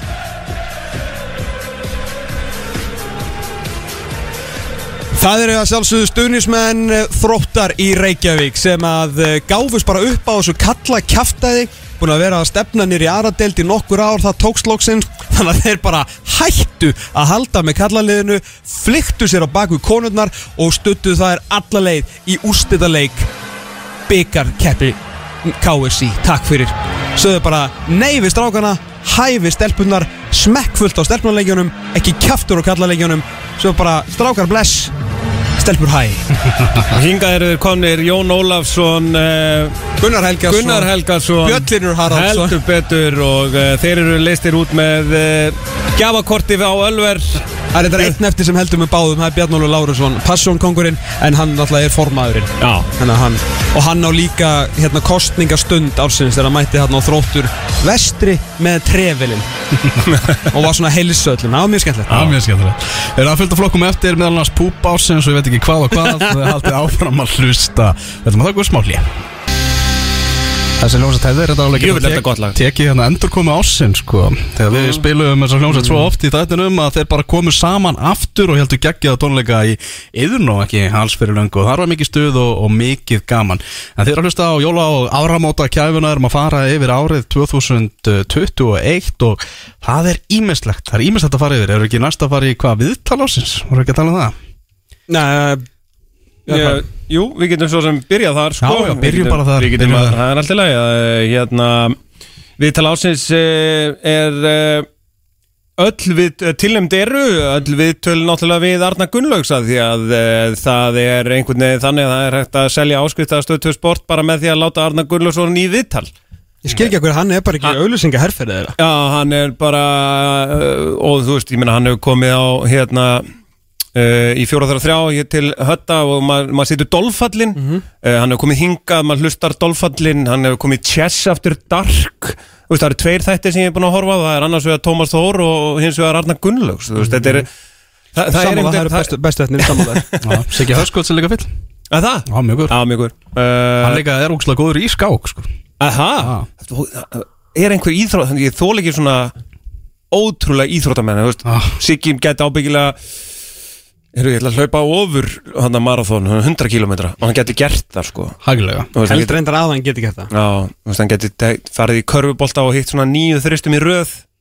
Walk away sko. Mm -hmm. veist, Herðu, uh, já, öll við töl uh, við Arna Gunnlaugs. Uh, Óskar Rapp hann hérna er tilnæmdur uh, hann náttúrulega er uh, hann er með grímu í, í, í, hérna, í viðtölum en hann á 20 sekundur það sem hann glemdi sér. Hann var eitthvað pyrraður uh, eftir Aberdeen-leikin Hérna heima? Hérna heima. Og uh, þetta eru 20 sekundur þar sem hann bara misti það misti grímuna og urðaði yfir allt og alla hjá uh, Aberdeen og Ég bjóst ekki við að þeir væri svona lélegir segir hann um atvörmannaliðið og eitt besta liðið í Skotlandi. Ég held þeir myndu reyna að spila fótbolta þeir gera enga tilum til þess að það komur óvart þeir eru líka hann sterkir, fljótur og öflugur á loftinu og líka bara svipur á honum. Þetta var bara, þú veist, farið bara á YouTube skrifið bara hérna K.R. Torino sjáu þegar hann tekur eins og Sifo. Já, og svo tækling var bara svipur á honum þarna. Já. Þetta er Óskar Rapp algjörlega ótrúlegt en ótrúlegt en satt þá er hann e- ekki sigurvegari Nei, fyrir þessar það 20 sekundur því að það er þessi hér Já, við erum að tala um viðtal sem að Baldur Borgarsson tók við Heimi Guðjónsson sem að Baldur var mjög forvitin þegar hann mætti í þetta viðtal og vildi vita rosalega mikið Það er um við þurfum alltaf með starfandi þjálfara í viðtölum Þannig að þegar hann var bara svona farin að fá svona upplýsingar bara sem myndu gagnast úr það er að æfa oft í viku. Og úr var bara sko að Baldur var að vera batterislaus held ég. Hvað er þetta langt viðtal? Þetta var eitthvað 17 mínútur eða eitthvað Talandi um þá, ég menn þetta eru leikmi sem þið fengur til liðsökur í vetur að þið þið ætla að styrkja lið og, og halda áfram að vera bara besta lið landsins og, og þið náttúrulega eru vantarlega með hálið mark við varum því annað eins og Evrópu og, og byggjarkeppn og annað. Ég menna hvað er þeir eftir að færa ykkur inn í liði Nú er þetta að verða held ég bara lengst, lengsta viðtal sem ég farið í sko í hérna í sögu fótbolta.net það er alveg nóg fyrir mig að hugsa bara um næsta leik Takk fyrir. Sumulegis En samt kurteis. Já, já, Kurtis uh, Við verðum að, hérna, við, við valsmenn uh, Þetta var ekki stjörnu árið okkar uh, valsmanna En hérna, við unnum allan þennan flokk. Fyrir Þetta var svona létt, sko. Við fáum fleiri velun á eftir. Ég held að er ekki Börkur bara ennþá fram í að fá sér kaffi, sko? Jú, hann er ekkert á leiðinu burt síðan mér sko. Fyrir hér klifjaður burt Nákvæmlega. Heyrðu, hvað er næsti flokkur? eða? Á ég að taka Já. Sko Vá maður. Vá Ég skal, ég maður skal taka einn. Já, tatu þetta menn Heyrðu, það er hlustenda velunin Hvorki meira niður minna. Það er einn á stóru velunum Í áramóta, jólu áramóta kæfunni. Ok, wow Hvorki meira niður minna. Við ætla að spenna beltin? Já, ég ætla að leyfa- ég ætla að leifa þér samt að kynna sigurvegaran Í þessu flokki. Nú, ok. Já. Þeir sem voru tilnæmdir en, en hlutu ekki hnossið að þessu sinni. Í hvaða flokk eru við? Hlustenda velunin Hlustendavelun Já. Við erum að tala um það að uh, Siggi Dúlla Hann er að sjálfsögðu tilnæmdur diggur hlustandi og ég veit að hann er einmitt að hlusta núna þannig að það er vel við hæfi að, að tilnæmna þann mikla toppmann sendum bestu kveður til hans. Nú, svo er það mamma þín, Tom. Jú, jú. Já, eins og alltaf. Eins og alltaf, það fær hún tilnæmningu En ég held að hún hafi unnið í fyrra. Já, ég held að hann að þetta var niður fyrra. Þannig að hún fyrirgjör okkur það að Hún vann ekki þetta árið Því að hlustendavelunin Hlustendur útvastáttarins fótbolta.net Árið 2021 Eru. Ja, vi takker tidsbladet så meget for lige for låter på radioshow.fodbold.net og sjálfsögðu okkar menn Ja. í tipsbladet. Ekki bara hlustendur ásins heldur nýjustu hlustendur okkar. Þeir hafa ekki mist á þætti Ef við tölum um danska boltan, sérstaklega eitthvað Elias eða Jóndag þá eru búin að skrifa þau upp. Já, Hér er smá saga, þetta er smá bransasaga fyrir ykkur. Já. Sæbjörn Stænke Blaðamæður á fótbolti.net Sendi mig skilabóðan daginn. Hei, tjekkum hvað það hefur verið lengi að koma á tipsblaðið Hann skrifaði frétt upp úr einhverju sem við sögðum um Elias Rapp. Og Bó. Og Bó Henriksen. Frá því að hann hóf leik við að skrifa fréttina og þar til var búið að skrifa það á tipsblaðið 26 mínútur Bang bang Så, uh, tusind tak.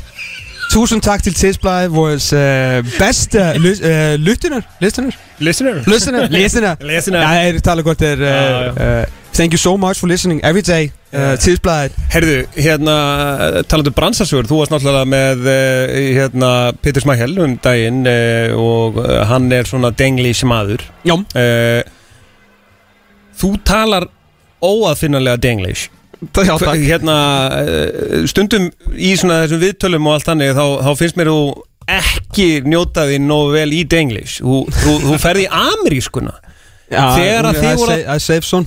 Já, það er hérna, uh, það er náttúrulega fræg mynd sem að séu heyrt og hér og nú og aðrir hafa verið að byrta á þér uh, lappandi niður hliðalínuna með Petur Smækjel. Þið er að ræða eitthvað saman, Já. Þú veist, varstu í Denglish eða, þú veist, skilur, voru þetta bara tveir danir að tala ensku eða hvernig, hvernig var þetta? Ég held ég að nú bara talað ensku ensku þá. Já, ok, já, já. Hann sem sagt, í, sko, á þessum litla sprett okkar Það er óksla langur. Ég er las ég og heyrti í, á fimmtæðin, kom út á þá- fimmtæðin. Þá segir hann sko Og segir hann eitthvað oh, Fuck it's so cool So cool eitthvað I'm lucky I have more clothes now I'm lucky I have more clothes inside Og ég er eitthvað ah, I only brought this okay. Og hann lítur nú svona á mig For fuck's sake man But you're Iceland "Nei, You're from Iceland, you can take it Ég bara Guður, þú ert ekki frá Benidorm sko. Þú veist, það er alveg kalt í Danmörku þegar það er kalt sko. Já, En þetta var svona það sem fór okkur á milli okkar strákunum sko. já, já. Þannig að hérna En toppmaður Já Er það gestaflokkur? Það er gestaflokkur, það er- Gestaflokkur Herru, Fantabröð, hvorki meira nefnina Er með gestaflokk núna Já, sælir. Blessaður. Það er Engilbert Aron úr Fantabröðum sem talar. Blessaður Við vorum bara ennir um að velja fantasy-leikmann ársins. Tilnemdir eru Bum, bum. Hjung Min Son, Trent Alexander Arnold, Mohamed Salah. Og sigurverðan er. Það er ekkjumski kongurinn, Mohamed Salah. Ah, hefur verið í sérflokki, það sem að ver Ótrúlur var með stigahæstu leikmannum á síðast tímbili og er með 168 stig núna. Jafnaði með Jamie Vardy með að leggja upp eða skora í 15 leikjum í röð og hefur verið fyrirlið hjá öllum virkum fantasyspilarum það sem að ver enda ekkert annað hægt. Mohamed Salah, fantasy leikmaður ásins Takk fyrir Og hann, það er nefnilega það merkilega við það Hann er hingað komin Það er ekki að spila fyrir hann á morgun hérna, Hann er fram að tala við börg Það er eitt sem svo skrítið við þetta að Mohamed Salah er hérna, einhver albesti knaspinu maður samtímas og bara eitt besti leikmaður Premier League og heimsins undanfarn ár. Svo ekki eitthvað svona Mohamed Salah skorar og er hér að jafna með ekki þú veist Thierry Henry eða Alan Shearer hann Alan Shearer kannski gaf ekki mikið að stóðsendingum en Thierry Henry, Wayne Rooney uh, veist, eitthvað svona Cristiano Ronaldo eitthvað svona leikmenn sem að voru mjög mjög mjög aktífir. Hann er hér að jafna með mannsins með trampstappið á bakinu Jamie Wardy yfir að skora að leggja upp í flestum leikjum í röð. Já. Segir okkur ímest aðeins um Jamie Wardy líka sko? Já, það gerir það nefnilega. Já. En skulum aldrei gleyma að hann er með samt með tattoo á neðst á bakinu sko. Já. Það er alvöru Og challenge ábyggilega fengið sér það í Magalúf sko. Bóttið Já, Ég væri óánaður ef hann ekki fengið sér það í Magalúf Er ég sá hérna lista sem að fútból 365 voru með yfir bestu leikmenn ennsku úrvalstættarinnar á almanags árinu 2021 Almanagsleikmaðurinn Já, já, Júri Tílemans er 10, Bernardo Silva 9, Trent er 8 Cancelo er 7, Eduard Mendy 6, Declan Rice er 5 og Ruben Díaz er nummer 4 mm. Ef við förum yfir í, í topp 3 á þessum lista. Þá er uh, Antonio Rudiger varnamaður Chelsea í þriðja seti Já. Hvorki meira en minna. Ok. Í öðru seti er Ilkay Gundogan hjá Manchester City. Okay. stórkostlegur á síðustu leiktíð. Og í fyrsta seti Mo Salah Að, auðvitað. Já, einfalt og gott. Já, skemmtilegur listi. Benny? Yes sir Á ég að fara í uh, rángur maður á, á, á neða hvað, hva, byrju þetta hér réttur maður á raungum stað. Já. Sem að er í rauninni uh, það eru, uh, sko, tilnefndir eru Harry Kane í Tottenham. Mm. og Harry Kane í Tottenham er náttúrulega sko réttur maður og allt hannig en þetta sitt í æfintýri bara fokkað upp í hausnum ánum sko. Hann er bara Hann er farinn. hann er farinn í hausnum Var Pippoinn saki þá alltaf réttu maður á raungum stað og pælur því? já þannig sko. Já, ok. Og Ekri, Já, þetta er þetta leið fjárstöngin gefur alltaf mörg Það er rétt Það er rétt Það er rétt. Það er bara þannig. Herru annar maður sem að er á raungum stað er uh, Rafa Benítez. Uh, þetta er bara þú veist þetta er ekki eins og gin og tónik sko. þetta er bara þetta passar ekki saman. Þetta er sko þetta er rommi kók þú veist, þeim er ógeslegt sko, eins og allir vita. En, en ekki. Trekki ekki allir Romy Jó, Kók? Þú veist, mér finnst það bara ógeslegt sko. þú veist, að því ég er Það ekki er sjóran skrítið já, Romy Kók sko. mm já, það vart að vera svolítið einhvern veginn ég er mikið landi í kók sko. Já, landi, landi hvað sem er landi hvað sem er. En það sem að sko já við Íslendingar við áttum uh, og eigum okkar fulltrúa og nefndin kom saman fundaði stíft Mhm. uh, sérstaklega eftir neyðafund uh, í kjölfarið á Tóta Dan mm. Það var alveg neður Það var og heitafundur það var hittafundur Ég er og, spenntur fyrir þessu Já. og það er bara eitt sem kemur til greina og, og, og maðurinn sem að já, var oft á uh, raungum stað En eins og sannlega réttu maður heldur betur, Gulli Jóns Það er bara þannig, en Gulli, hvernig var svona, þetta var dramatík undir restinu og hvernig var svona andrusloftið við hliðalínuna? Já, kannski því miður var ég hínum með við eh, hliðalínu allan að þjálfarana og varamannabekkjana en uh, Þannig að fyrir leikinn, uh, sástu það svona á, á hliðalínunni? Já, ég var kannski ekki alveg í beint, beint fyrir neðan hérna eh, í slatofi við hliðalínuna, ég var hínum einn, þannig að maður svona Skorflófti á bekknum voru þeir að reyna að koma inn einhverju skilabóðum til leikmanna sem að já, skiluðu sér ekki inn á völlin eða hvernig svona sástu það, tókstu eitthvað eftir því? Hvernig, hvernig svona þjálfarateimi var reyna að bregðast við þegar þetta fór að stefni í óöfni hann í fyrir áleik Nei, því miður, ég, ég er því miður bara ekki, ekki þeim megin í leiknum, ég er í gömlustúkunni. Já, réttu maður. Á reyndar á raungur stað Þannig nokkur sinnum En gleymum því ekki að þessi tilraun Svona Stöðu til sport mm. Með að vera með eh, Svona alvöru hugsandi mann í viðtölum. Þá er ég meina kannski Hugsandi mann eins og blaðamenn hugsa ekki. Þess eitthvað svona Að vera með eitthvað svona á leikmann þarna Og eitthvað svona sem er að pæla því svolítið meiru er kannski bara nákvæmlega sem að gerist inn á vellinum. Mm -hmm. Skilaði okkur bara þáttarlega sem er búin að fara með okkur gegnum aðvendunum sko. Þannig að eh, sannlega réttu maður en nokkru sinnu þarna á meina Þetta er svona fyrir hlutabót. Þetta voru 22 umferðir, ég meina þú getur ekki alltaf verið Nei. réttum maður og réttum stað. Sáðu þið svolítið eru búin að horfa á hana? Já, Nei. geggjaður. Frábær, Já, alveg frábær. Gjössalega frábær. Fannst þetta ísokki myndefni? Nei, ekki á fundist ljósmyndir. Já, já, já, ok, já. Þannig að hann sást alltaf á skautunum. Já, ég skilji Já, en uh, ég sá bara þessa klippu er, ég uh, á eftir að taka hana þátt og ég sá þessa klippu hann á vísi um bílslýsi og ég bara Þeir, Ég var ekkert að ljúa á Twitter í suma þegar ég kalla þetta flugslis Nei. Þetta er bara, þetta er bara flugslis Þetta er það sko Ég, hérna, En það er eitt sko, er alltaf verið að tala um Fasmo Já. Alltaf, það, þú veist, í þessu samhengi Hverjum þetta? Hverju þetta? Að hérna, og náttúrulega, og ég vil nú ekki gera alls ekki og ætla ekki að gera lítið úr því ofbeldi sem að nokkrir meðlemið þessar Fasmo klíku, sem það var kannum kallað, þetta var nú bara hóp, samasamt svona hópur af mönnum sem voru bara að láta svo fábjörnum sko. Mm. og margir sem lendu ítliðið þeim sko. En það er minna að tala um hversu óþólandi þeir gáttu verið bara á göngum réttar á skóla. Þegar þú kannski mætti Er minna bara að talað um það? Mér finnst ekkert talað um Nú, það. Þú veist, hversu hérna leiðilegt er það? Þú veist, þú bara labba okkur ganginum Þú bara mænding og kannski bara nýbúna skoplið Einni kannski langloku Eða kannski áttur ekki pening og festir enda Samloku með ostið sem kostaði 25 krónur Já, Þú veist, kannski ekki besta hátið Mm. Svo er það kannski kildur í öxlina Svona blindsided já. Og sagt svona, það smá. Nei, Getur þú ímyndað hvað þetta er byrjandi? já. Enda eftir það, í það, það, Þannig byrjaði þetta. Það smá. Og þetta eru sko vini mínir Sumir aðeim, sumir alls ekki sko. Já, Og ég tók eitt hann á gott eintala Eftir þriðja höggi hann á já, Útskýri fyrir að þessu væri lokið. Þetta var bara búið Og það var endar slapp ég öllur eftir það sko. En þetta mér veist allt og lítið tala um þetta. Nákvæmlega. Djöfull var þetta perandi Shit! Ég ætla- Svolfur aldrei beðist afsökunar sko. Að hegi Nein.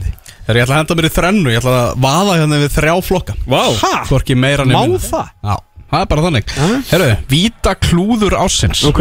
Uh, Tilendur eru Bukayo Saka í Vítaketnin á úslitaleik EM. Mm, Góða verið minn. Já, Jorginho gegn Sviss Það sem að gera það verkum að Ítalía þarf að fara í umspil til að komast á HM Ég er ennþá ekkert viss um að þetta hafi gerst. Sá þetta ykkur eða?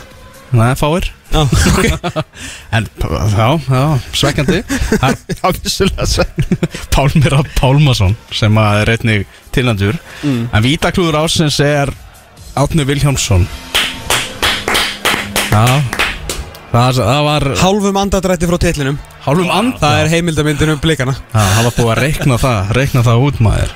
Það var rosalegt momenta í Andaðu Kaplakrigan Það eru Björgum Pállur alltaf með ykkur að sjónvastáttaröð á ykkur, ykkur streymisveitu um að hvað þeim heitir held ég andaðu. Já, það? Já. Já, ok. Það eru Björgun Ásins Það eru tvær tilnefningar þar. Í öðru sæti er það bara skagamenn Þessi endasprettur hjá þeim. Já. Og þessi bilun í Keflavík Þeir brutu hann að grindverkið í fagnaðalátunum Stuðnismennir Já. Þessum alveg bara klikkaðleik Bara einum að leikjum ársins Þegar þeir náðu að halda sæti sínu Mæmi til hann hátt eh, skagamenn. En Björgun Ásins er alltaf Umrættur Sölvi Geir Ottesen sem að fórnaði bara höfðinu á móti val til að bjarga á línu sá bara þarna boltinn, þeir eru að fara að skora mark ég ætla að setja höfuða því til að koma í veg fyrir það að vikingur fá á sig fótboltamark. Svo gekk ég þarna að lýsa þessi þættinum bara hann var saði þetta bara. Boltinn var þarna og þetta hefði verið fótboltamark. Og ég var með hausinn þannig ég setta bara fyrir. Það er alltaf brot sko. Ah, Já, það var skemmtilega umræðana sem fór í kjálfæðin þetta var í brot? Þetta er sjálfsögðu brot. Stórhættulegt. Óbyrningarspinn Er það minn uppáhaldsflokkur er það sjálfsögðu Poop Ársins? Auðvitað. það er bara komið að honum. Heyrðu, við ætlum að það sem að er hérna í þriðasæti það eru vikingar fagna í hörpu. Þú varst þar, Tom? Ég var þar. Já, það var gaman að innilegur og fallegur fögnuður í, í hörpu Já, mjög. að vikingar voru sæstur og kátir. Nú svo er það eh, í öðru seti KSI veitti áfengi og Eður Smári hvarf á braut. Annaður, annaður í röð sem KSI veitir áfengi og landslistþjálfari þarf að hverfa á braut. Hver fyrir næst? Hver fyrir næst? 2022 Allt er þrennt Þetta er- þetta er- þetta er- þetta fæðist ekki að Þóþarfa sko. Það er, þetta- það er sko Ég myndi setja einn mann í áhættuhóp. Ási Haralds. Já. Ekki að því að hann er í áhættuhóp heldur bara svona út af þessu að Ég held að Steini sé ekkit að fara Þú veist, ég, hann er einhvern veginn of er bara- Ótraustur eitthvað, sko. En Hversu sterkur er þessi frípúp sem að KFC er að gefa? Hann er, þetta er eigil sterkur, hann 9,8 hann Þeir, þeir drekka ekkert annað Þeir taka þetta með í flugvélina Egil sterkar. Þeir eru á sponsi Er það Púp Ársis Það er einn minn uppáhaldsmaður. Hann er að fá sér komið áður fyrir í þættinum. Hann er að vinna sín önnur velun í þættinum. Það er hann Markus Anfang sem var þjálfari Werder Bremen. Við Tölum við um áðan að falsaða bólusetningavottorið Það er ekki bara að nota það til að sleppa við að fara í sótkví Heldur mm. nota það einni til að komast á eitthvað karnival Og hann var í einhverju svona kokkabúningi með fyndin hatt og svona. Allir bólusettir á viðbörnum nema hann. Hann var með falsað bólusetningavottor Og klifta á þjálfara skýrtinni Markus Anfang, þvílíkur maður Þvílíkt ár Voru sem að hann átti. Vondi mun hann finna sér vinnu sem fyrst. Heru, Á ég að taka einn á hundavaði? Já. Það er, það er par ársins. Já. Það tilnefndir eru Fred og McTominay að sjálfsögðu. Þeir eru náttúrulega bara Eru bara ennþá eru bara saman. ennþá, Heldur betur Eru Sjöl og Kári, þeir eru náttúrulega hérna, eru eiginlegir veist, þessara flokka þessara flokks. Uh, En samt bara tilhefðir samt bara tilnefndir. Uh, Nú Átni og Sara eru náttúrulega að sjálfsögðu bara par ársins uh, og, og hérna búin að búa til framtíðar. Þá meinum við auðvitað samt Sara og Otni Já, að sjálfsögðu, að sjálfsögðu. En sigurverðin er náttúrulega eftir mikla umræðu að því að börkur eru að fara sko. Sjött ári í röð Sjött ári í röð uh, Þá er það Haukur Páll og Einar Óli uh, sjúkraþjálfari Vals sem getur alltaf lappað upp á fyrirliða vor á millileikja og hann, eh, hann tekur alltaf þátt sko. Hvað hva, hva fær Einar og alltaf mikið TV-time á hverju ári? Er búin að taka það saman? En hvað var þetta sérst grínlaust í fyrsta leiknum hjá Vala árunu Mm. Þetta var nýtt með sko. Þú veist, það var eitthvað sjö mínútur í fyrra. Já. Þetta voru eitthvað þrjár mínútur í árið eitthvað. Já, ok. Bara, hann bara búp, Og fyrsti leiku valsi fara á stað og hérna er Haukupáll færi niður og einar mættur. Já, já, já. Þetta er, þetta er fallegt sko. Herri, Já. Ég skal taka eitt hérna beint fyrir aftan okkur. Mm. KSI ársins. KSC Já, Það er uh, margt þetta að taka það til. Þetta var ekki kannski besta árið fyrir knaspunnisamband uh, Íslands. Það eru nánast allir fréttamannafundir Arnars Þórs Veðarssonar í gegnum krísuna þarna þar sem hann virtist nú ekki geta sagt rétt orð þrátt fyrir að vera með uh, almannatengla á launum sem voru síðan á endanum raskjeltir í hérna rannsóknarskíslu uh, ISI Mhm. Formaðurinn fyrir göðu, formennir niður mm. mættu aldrei viðtöl Mhm. Hvorki Guðni nefn vanda þegar það ábjátaði Nefnum svo fór Guðni í eitt viðtal og misti starfið sitt Þannig að kannski var þetta ágættis höfmynd hjá hann yfir höfuð að- að bara front aldrei neitt uh, Það eru auðvitað litblindan Mm. Já. KSI ætlar, hættir ekki fyrir að allir á Íslandi er orðnir litblindir Já. Það er bara Þvílitt átak skýrt markmið og mikið átaki á knarspunni sambandinu að bara á ótrúlegustu og óótrúlegustu tímum koma samfélagsmiðla póstar þar sem er verið að minna alla á að vera litblindir og hérna og þetta maður bara, veist, maður, maður reynir sitt besta en ég mér er ekki tekist það en þá En KSI ársins 2021 er ekki jákvætt og var í raun og veru það sem leiti að endalegu falli nánast allra Það er auðvitað 17. ágúst pistillin Ah. Það sem að eh, KSI og stjórnin á þess að vita raskat í bala saði við þólendur vinsalagast haldið í kjafti hér er allt í góðu og uh, við vitum ekkert hvað er að gerast en við ákvæmum samt bara að skrifa undir þetta á þess að tala við Korki Kongni prest. Uh, þið meði bara eigi ykkur og síðan svona já, úps, er sem sagt svona landlægt vand op, op, op, Og hætti þessu svo. Hætti þessu. Ah, og veri ekki, að- veri ekki að stíga svona upp og segja neitt. Nei. Ópassi Ópassi Þetta er bara, þetta er bara leiðilegt já, Þeir gerum smá hlýja á velunaflokkunum og förum yfir til Ítalíu. Hvorki meira niður menna því að Ítalía var Evrópumestari vann EM allstar og á línunni er sérfræðingur Íslands um ítalska boltan Björn Már Ólafsson. Þetta ár fyrir ítalska landslið þrátt fyrir að það sé smá bras núna hvort að þeir alltaf koma sér á, á HM í, Katar þá er náttúrulega þetta Evrópumót sem upp úr stendur á árinu. Já var, hann ekki komin á línu? Það áttu að vera komin á línuna. Já, ok, ég held að Halló, Björn? Hæ? Við reynum þetta aftur. Björsi, Björsi Verðum við ekki að taka Björn Már Ólafsson. Verðum við ekki að taka eitthvað neyðaflokk á, meðan eða?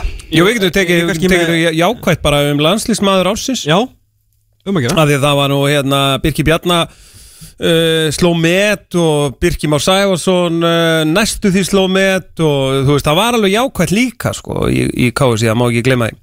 Uh, Tilnöndir eru náttúrulega Birkir Bjarnar bara fyrir að vera alltaf klappaður og klár. Leikja með Leikja með, pff, þú veist, bara mætir alltaf og allt þetta. Elias Rafn Ólason var hent í djúbulögina og hérna tók svona egnaði sér þessa markmannstöðu svolítið með presens, mm. stærð uh, vörslum, það var bara það var fallegt sko. En landslýsmaður ásins uh, er Brynjar Ingi. Le leikmaður, uh, hvað? Pí- Písa? Venecia?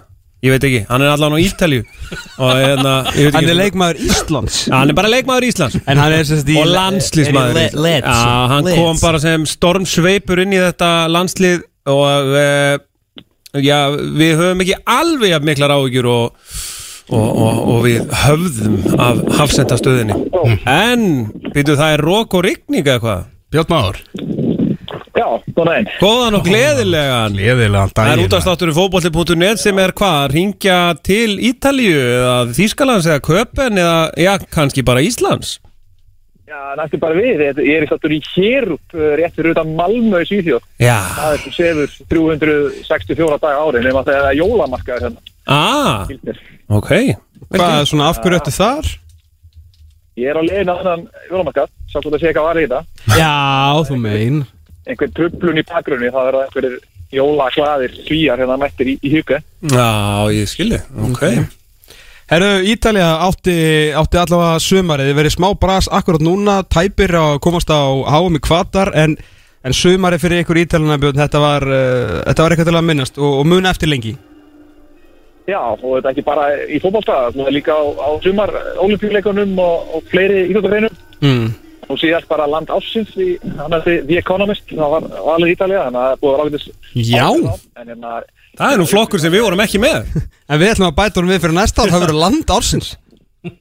Já, það er hérna áverð hvað, hvað mælikvarðar eru þar að baki en hérna, ég bara upplýstan á liðinu, þetta er bara frábær eftir þetta, þessi, þessi svörstu ár undir, undir eh, Giampiero Ventura það sem lístast að komast á eh, HM í Rúslandi 2018, Mm. þá er þetta svona, þá var þetta svona skemmtilegt surprise fyrir mér, þessi árangur ítalíu summa því að þeir auðvitað kannski voru meira með hugan við HM í Katar næstari, HM er alltaf stóra hugvotinn og hérna og Roberto Mancini held að svona fyrirfram hefða litið á EM sem bara fá undirbúinismót fyrir, fyrir HM þannig að þetta var svolítið algjör bónus að það hafi síðan gengið svona vel hjá þeim á, á hérna hermótu Og Hvernig, er, þú veist, hvernig var þetta eftir, marga, þú veist, voru menn, var þetta svona samstuð dæmi fyrir þjóðina, var alveg bara svona skýr breyting og allir svona einhvern veginn með, eh, með brosið á lofti og mikið stemning langt, langt, langt fram til árið, eða? Já, þetta þetta fór inn í þetta mót sérstökum hætti, þetta fór inn í þetta mót eh, og, hérna, eftir að hafa ekki tapað leik hérna, í ykkur að kannski 30 leiki næstu 30 leiki. Og hérna það er svolítið hættulegt fyrir snérótt að koma inn í svona stórmót með uh, á svona góðu sigur rönni því að það er eins og og maður vittur nú í formúluna sem er svo vinsul núna eins og einn hérna, einn yfir maður ferðar í sæðins það er, það er uh, hættulegt að vera með hérna, bíl sem keirir hratt öllum en þú veist ekki af hverju hann keirir svona hratt. Og betra að vera á bíl sem er aðeins hægari eða þú veist svona hvað er að og hvað þarf að laga. Þannig, hérna, það er svolítið það svo tilfinning sem ég ætla að fóra með inn í þetta mót og svona bjóskast ekki við miklu þannig fannst ég bara of einhvern veginn, það veit of vel út og, og svona, en svo, svo eftir svona riðlakeppnina, þegar mættu þetta umsluðakeppnina og slóð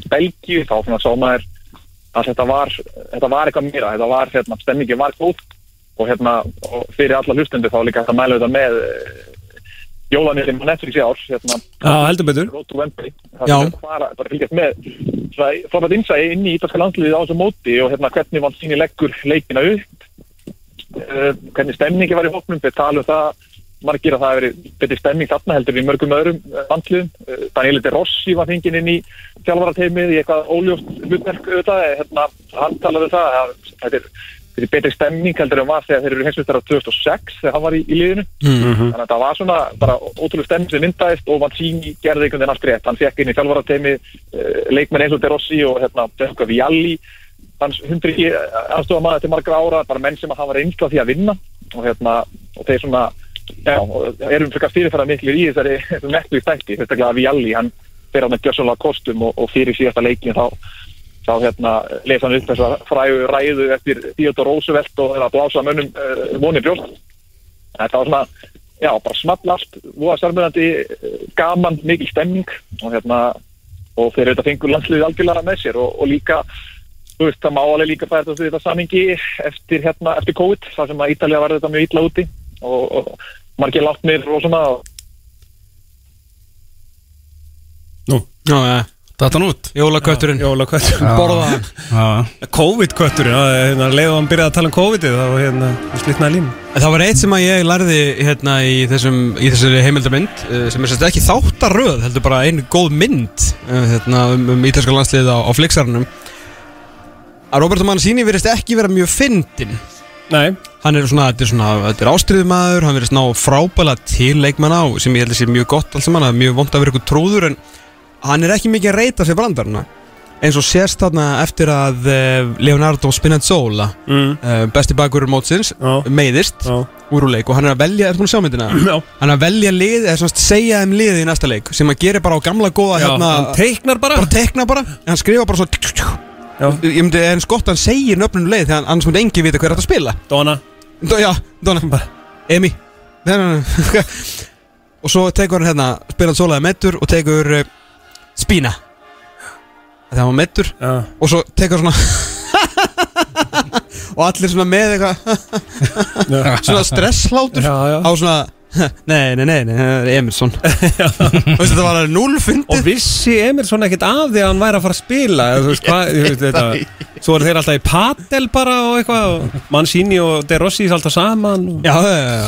En það er með rétt sem Björn Már sagði með hérna með Daniel De Rossi sko, hann var hérna bara til þess að gera eitthvað Já, já, já og Vialli er, er bara svona bara svona hundra ykkur aðstofum hvað er alveg ljóst að mann sín sér um þetta einn sko. Já, en svo er náttúrulega ljóst að við fáum ekki bæðið Ítalíu og Portugal á HM því að þau eru hafa saman í Evrópumeistarar leið. ekki farið á HM Veit það ekki, jú, eða Já, menna það, að vinna Európa-móti og komast ekki á hann Já. Já, mm. framspurning vera ekki með the reigning European Champions Það er mjög góð spurning Herru, EM stund ásins uh, Mark Patrick Schick fyrir Tjekkland gegn Skotlandi, svakalett mark uh, tja, uh, Kiesa bjargaði Ítalíu með marki gegn Austuríki í 16. úrslitum Mm. Samheldnin, náttúrulega í kringum Kristján Eriksen Mhm. En EM stund ásins er vítaspundukefnin í úrslita leiknum England klúðrar í vítaspundukefni enn og aftur Þetta er bara fylgir þeim í gegnum söguna. Og nú fengum við með þess að nýtt nú fengum við hérna ungan uh, þeldökkan strák til þess að klúra þannig að uh, allir rasistar Englands gáttu svona að tekið höndum saman og verið gett leiðileg Já. þannig að það var svona ekstra vond vítaspunni kemni á heimavelli og allt í miður. En hérna en meir maður Stórvinur minn, Búka og Saga, hann er búin að hrista þetta á sér og búin að vera frábær í Premier League. Mhm. Erðu, viðskiptahalli ársins. Já. Tengist uh, reynda líka smá EM Tillemdir eru í viðskiptahalli ársins. Enn og aftur hoppum við á uh, valsmönnunum sem að keftu dýrasta leikmann sögunar uh, Guðmund uh, Andra Tryggvason, Galdra Tryggvason sem að segja gata ekki neitt. Hún var líka meittur hann ekki peningu vel væri þar þó að hann séu þetta ungur og geti gert eitthvað á næstu tímabili. Barcelona á ekki bót fyrir borun og skuldar öllum endalösan penning uh, Hrifir er hrikalegt að fylgjast með þess Ég held að Memphis Depay sé uh, launahæstur hjá þeim með 150.000 pund á viku fallið er nú ansi hátt. Já, það verður að segja alveg eins og þeir Ég held að Rúdiger vil ekki verið í Chelsea þegar hann fær ekki uh, sko, meir en 140.000 pund. Vill hann ekki fara í ykkur 300 kall bara eins og þeir bestu sko? Já, Já, hann er maður á, hann ætla hann ekki að fara að þanga uh, En viðskipta halli ársins er að sjálfsögðu hjá Coca-Cola Company. Þegar Kristján Ronaldo, vinsælasti og stærsti íþróttamæður í heiminum í dag held að ég sé bara hægt að fullir það ítti Coke-flöskunni út af borðinu sagði krakkar ekki drekka Coke drekki bara vatni svo ég og verið sterk Mhm. og glæsileg. Og hlutabrefin í Coke fóru bara niður um bara fullt fullt af prósentustíðum Já. viðskipta halli alvöru að því að Cristiano Ronaldo saði nei takk, betur að halda Ronaldo góðum.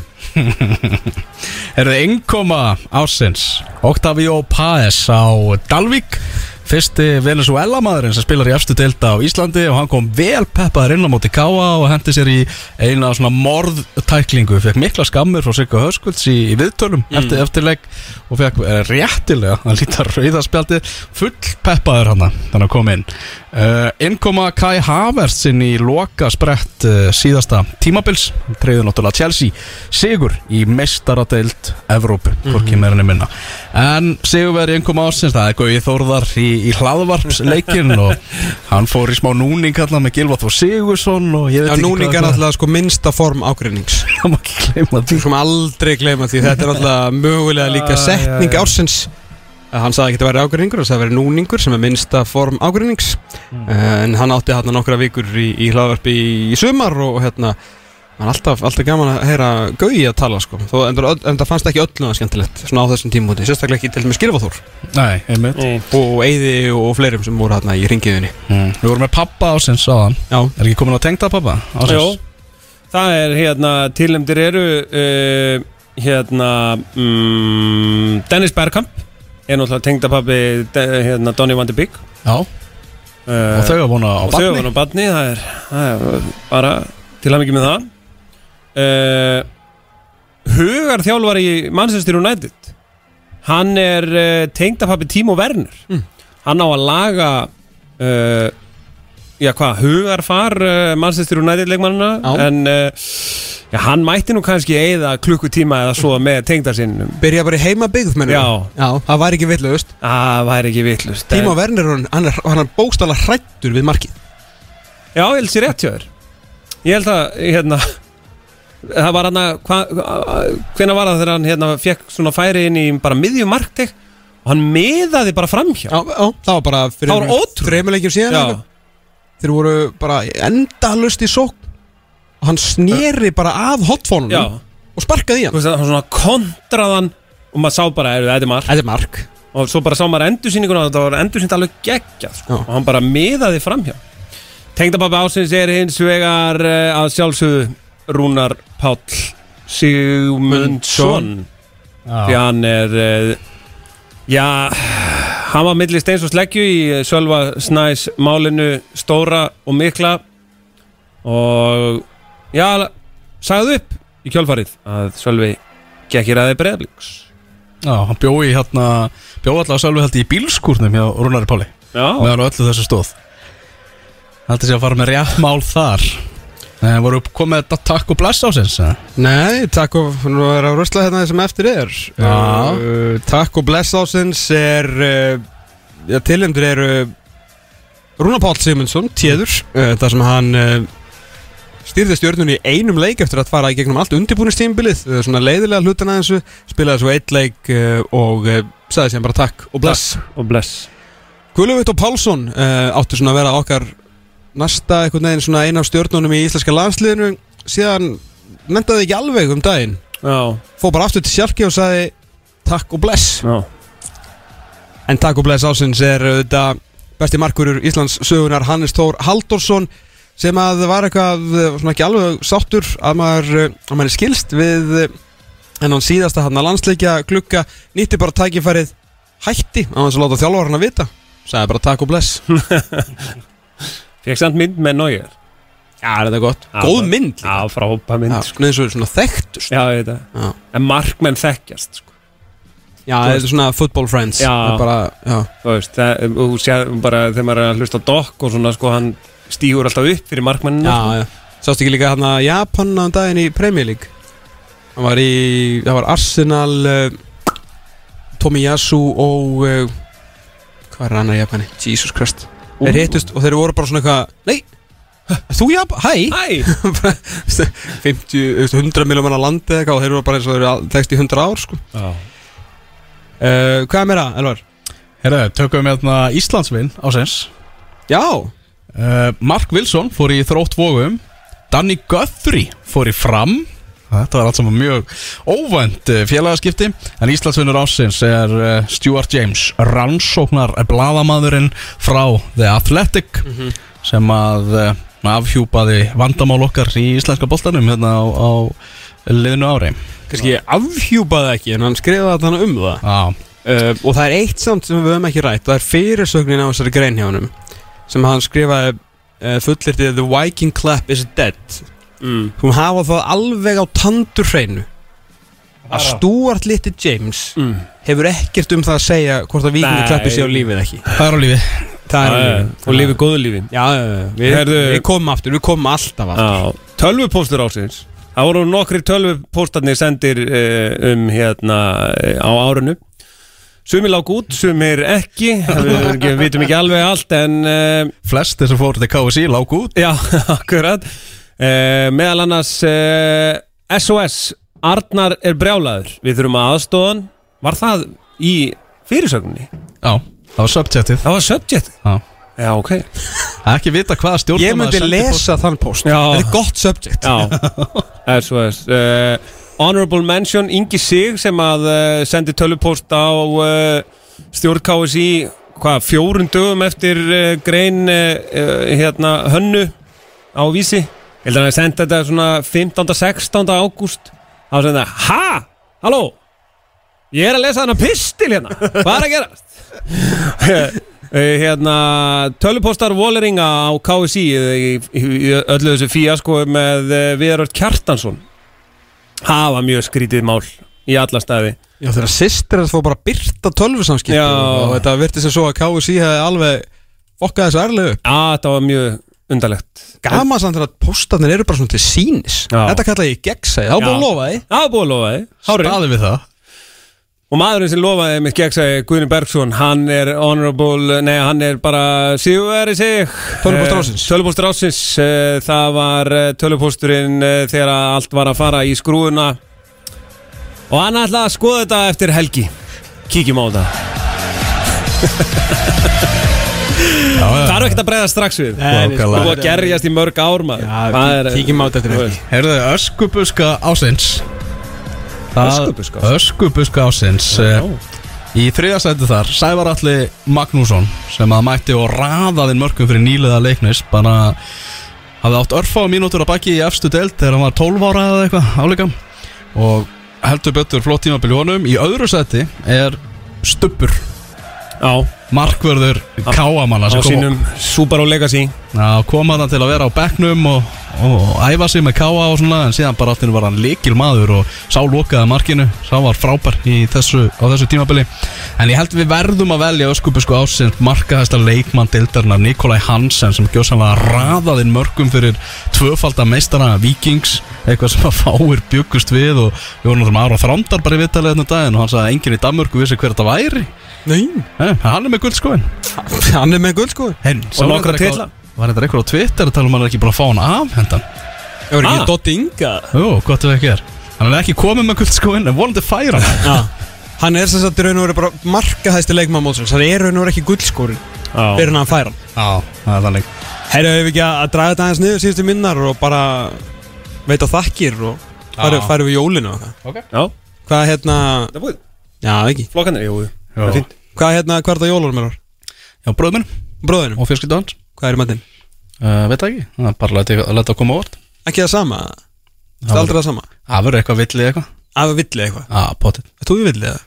Uh, já, ég er með uh, grafir hindir og grafna gæs svona í nastl. Svo er ég með vildan humar í hérna, í forrétt og svo ætlum við að vera með uh, gobbiti gobb í, í aðalrétt, innlæri. Jólahestur? Já, sem er ég ætla ekki að segja frá því hvernig þetta er gert en uh, Það er tekið blóð úr hestunum fyrst Nei. En uh, í ljósi umræðina sem hefur verið um uh, blóðmerarnar þá hérna, held ég að ég haldi þessu bara svolítið svona fyrir sjálf á mig hvernig hérna, jólahesturinn er uh, handeraður. En uh, við getum orðað þannig að er í drep- oktober Ó, hann drepin og leiðindum. Það, í rauninni sko. Já, ég, ég held að þetta væri, ég held að það hefði sett byssu sko þannig, ég var bara, wow, það er ok. Það það byrjaði að skjóta flugöldum hérna upp fyrir En þú? á Söðurlandsbrautinu Herru, það er bara mánatúnið. Uh, Kalkun og bringa og, og með því og hérna eitthvað jólaís og svona að bara Þú ert náttúrulega konið í frí frá ennska boltanum? Nei, nei. Það verður ekki Stefnir í það? Veistu, Ég er alltaf í frí í dag, ég átti að lýsa Aston Villa Burnley hérna eftir smá stund en, en það er farið og hérna, en ég er á morgun með svona með stuttvöll hérna, Svo er náttúrulega vikur pása og ekki spilað fyrir, já, ef að Guðlofar og spilað á annan í jólum. Já. Þannig að, jú, ég er svona maður fara allan að vesti, ég sko, ég búið að öllu fyrir jólin. Þannig að Er þessi var rosaleg. Já, ef, ef þið eru nálaðt Suðurlandsbröðinu endilega rúlið hérna við og sjáu þessa flugöldarsýningu sem hér er í gangi fyrir utan. Ég er svo ánægði líka með þróttarna með þetta Þessi framtak hann á bensanum, hann er að hlusta þegar hann veifaði. Já, ekki Það er ekki Já, herru, hérna áriði lið í aldan og skauð þó ennþá séu 13 dagar eftir árunu þá Já. erum við búnir því að hérna, jóladagur og Ká- Kári Kong og sendi hérna tilhöfningu í nýja flokk hjá okkur. Var metnaðaleysi ásins og það voru við í efstasætti fyrir að nenn ekki að vera með þjóðinni bæði á jóladag og nýjástak Já, jóladagur er ofheilagur og það vita allir hvernig nýjárstagur er hjá okkur. Það er enginn að vera að vakna klúan 11 þá til að uh, undirbúa sig fyrir þá. Nei, það virkar ekki, virkar ekki svo leiðis Herru, hérna Stuð og stemming. Við þökkum vinum og vandamannum að sjálfsögðu þökkum ykkur fyrir að hlusta ávalt, eh, þökkum okkar diggustur hlustundum mömmu minni uh, tippblæðinu Mhm. og þessum helstu Haldur Geirhars, nei hérna hvað heitir hann? Haldur Geir- Gerhart í hérna í Vesturbænum. Og Haldur Geirhars líka. Leik- leikonu Eh, Frábæri bubbarsýningunni Hvað heitir þinn maður í, í breiðoltinu? allir í breiðoltinu Allir í breiðoltinu í breiðholtinu. Við þurfum að fara að gera aftur svona landlega könnun á hlustun. Þetta var grafavóður, var sterkur. Mm. Hafnafjörður var sterkur. Uh, hérna, uh, En svona allir þessu sem að eh, koma að þessu Þessi þáttur alltaf er spónuslaus Síðustu 12 árun, gerum þetta bara fyrir okkur Og Já, ykkur. Heldur betur. Það er bara þannig, það fá aldrei neitt En við erum svona að pæli að stela hérna fullt af bjór Já. Úr X-stúdíunum, ég er að pæli að taka hann Asai bjór hérna. Já. Japanskur. Hellu, jólabjór ásins, það er enn og aftur færiski Já, það- já, já. Það er kongurinn Ah, jóladag. Kongurinn í leiknum Geitin Ég á fimm svoleiðis heima. Aha. Já. Þú veist með einhvern nýjan í gæðir, dósabjór. Hvað var það? Fyrir, já. Já, þú veist, er það sama Er það bara annað dósa? Var þetta ekki sami, Elvar? eða? Jú, jú Það var bara dósaútgáðan Já, það- já, það var það Já, ég fann ekki flöskuna, sko. Já, ég skilji, já, já. Ég var svolítið, svolítið hraðferð sko. Já, ég skilji, já, já. Ég, hérna, það er það Hann sem- er rosalega góð Svakalega góð, sko. Já, Það er Ég ætla að vera með einhverja nýja alveg, Ú, heyrðu. Nei, það er mér, það þurfa að segja það Nú. Þú stressaði? Já, herðu, hérna Eitthvað að lokum, strákar? Erum við bara góðir í ár? Já, ég- takk fyrir okkur, takk. árið, fótbolta árið 2021 uh, Erfitt Mm. Skrítið, lítið innanvallar En uh, megi árið 2022 Fara meira fram innanvallar Já, og ég með það skilja að þú voru að hlusta á þetta og voru eitthvað sári yfir einhverju þú veist, nei, klárum þetta ár bara á jákvæðanótum Já, já, Er er- hlægjum öllu sem var vond Við erum Já, ekki, ekki hér til að meiða Þetta er aðeins til að hafa gaman og þið jafnu ykkur á því því að það eru þrjár vikur held ég, nei tvær vikur 6 dagar og 22 tímar við snúum áttur árið 2022 sem held ég verður okkur 13. starfsár. Allt fyrir ykkur, takk fyrir kjallega gleðilega hátíð, gleðilega og farsalt komandi ár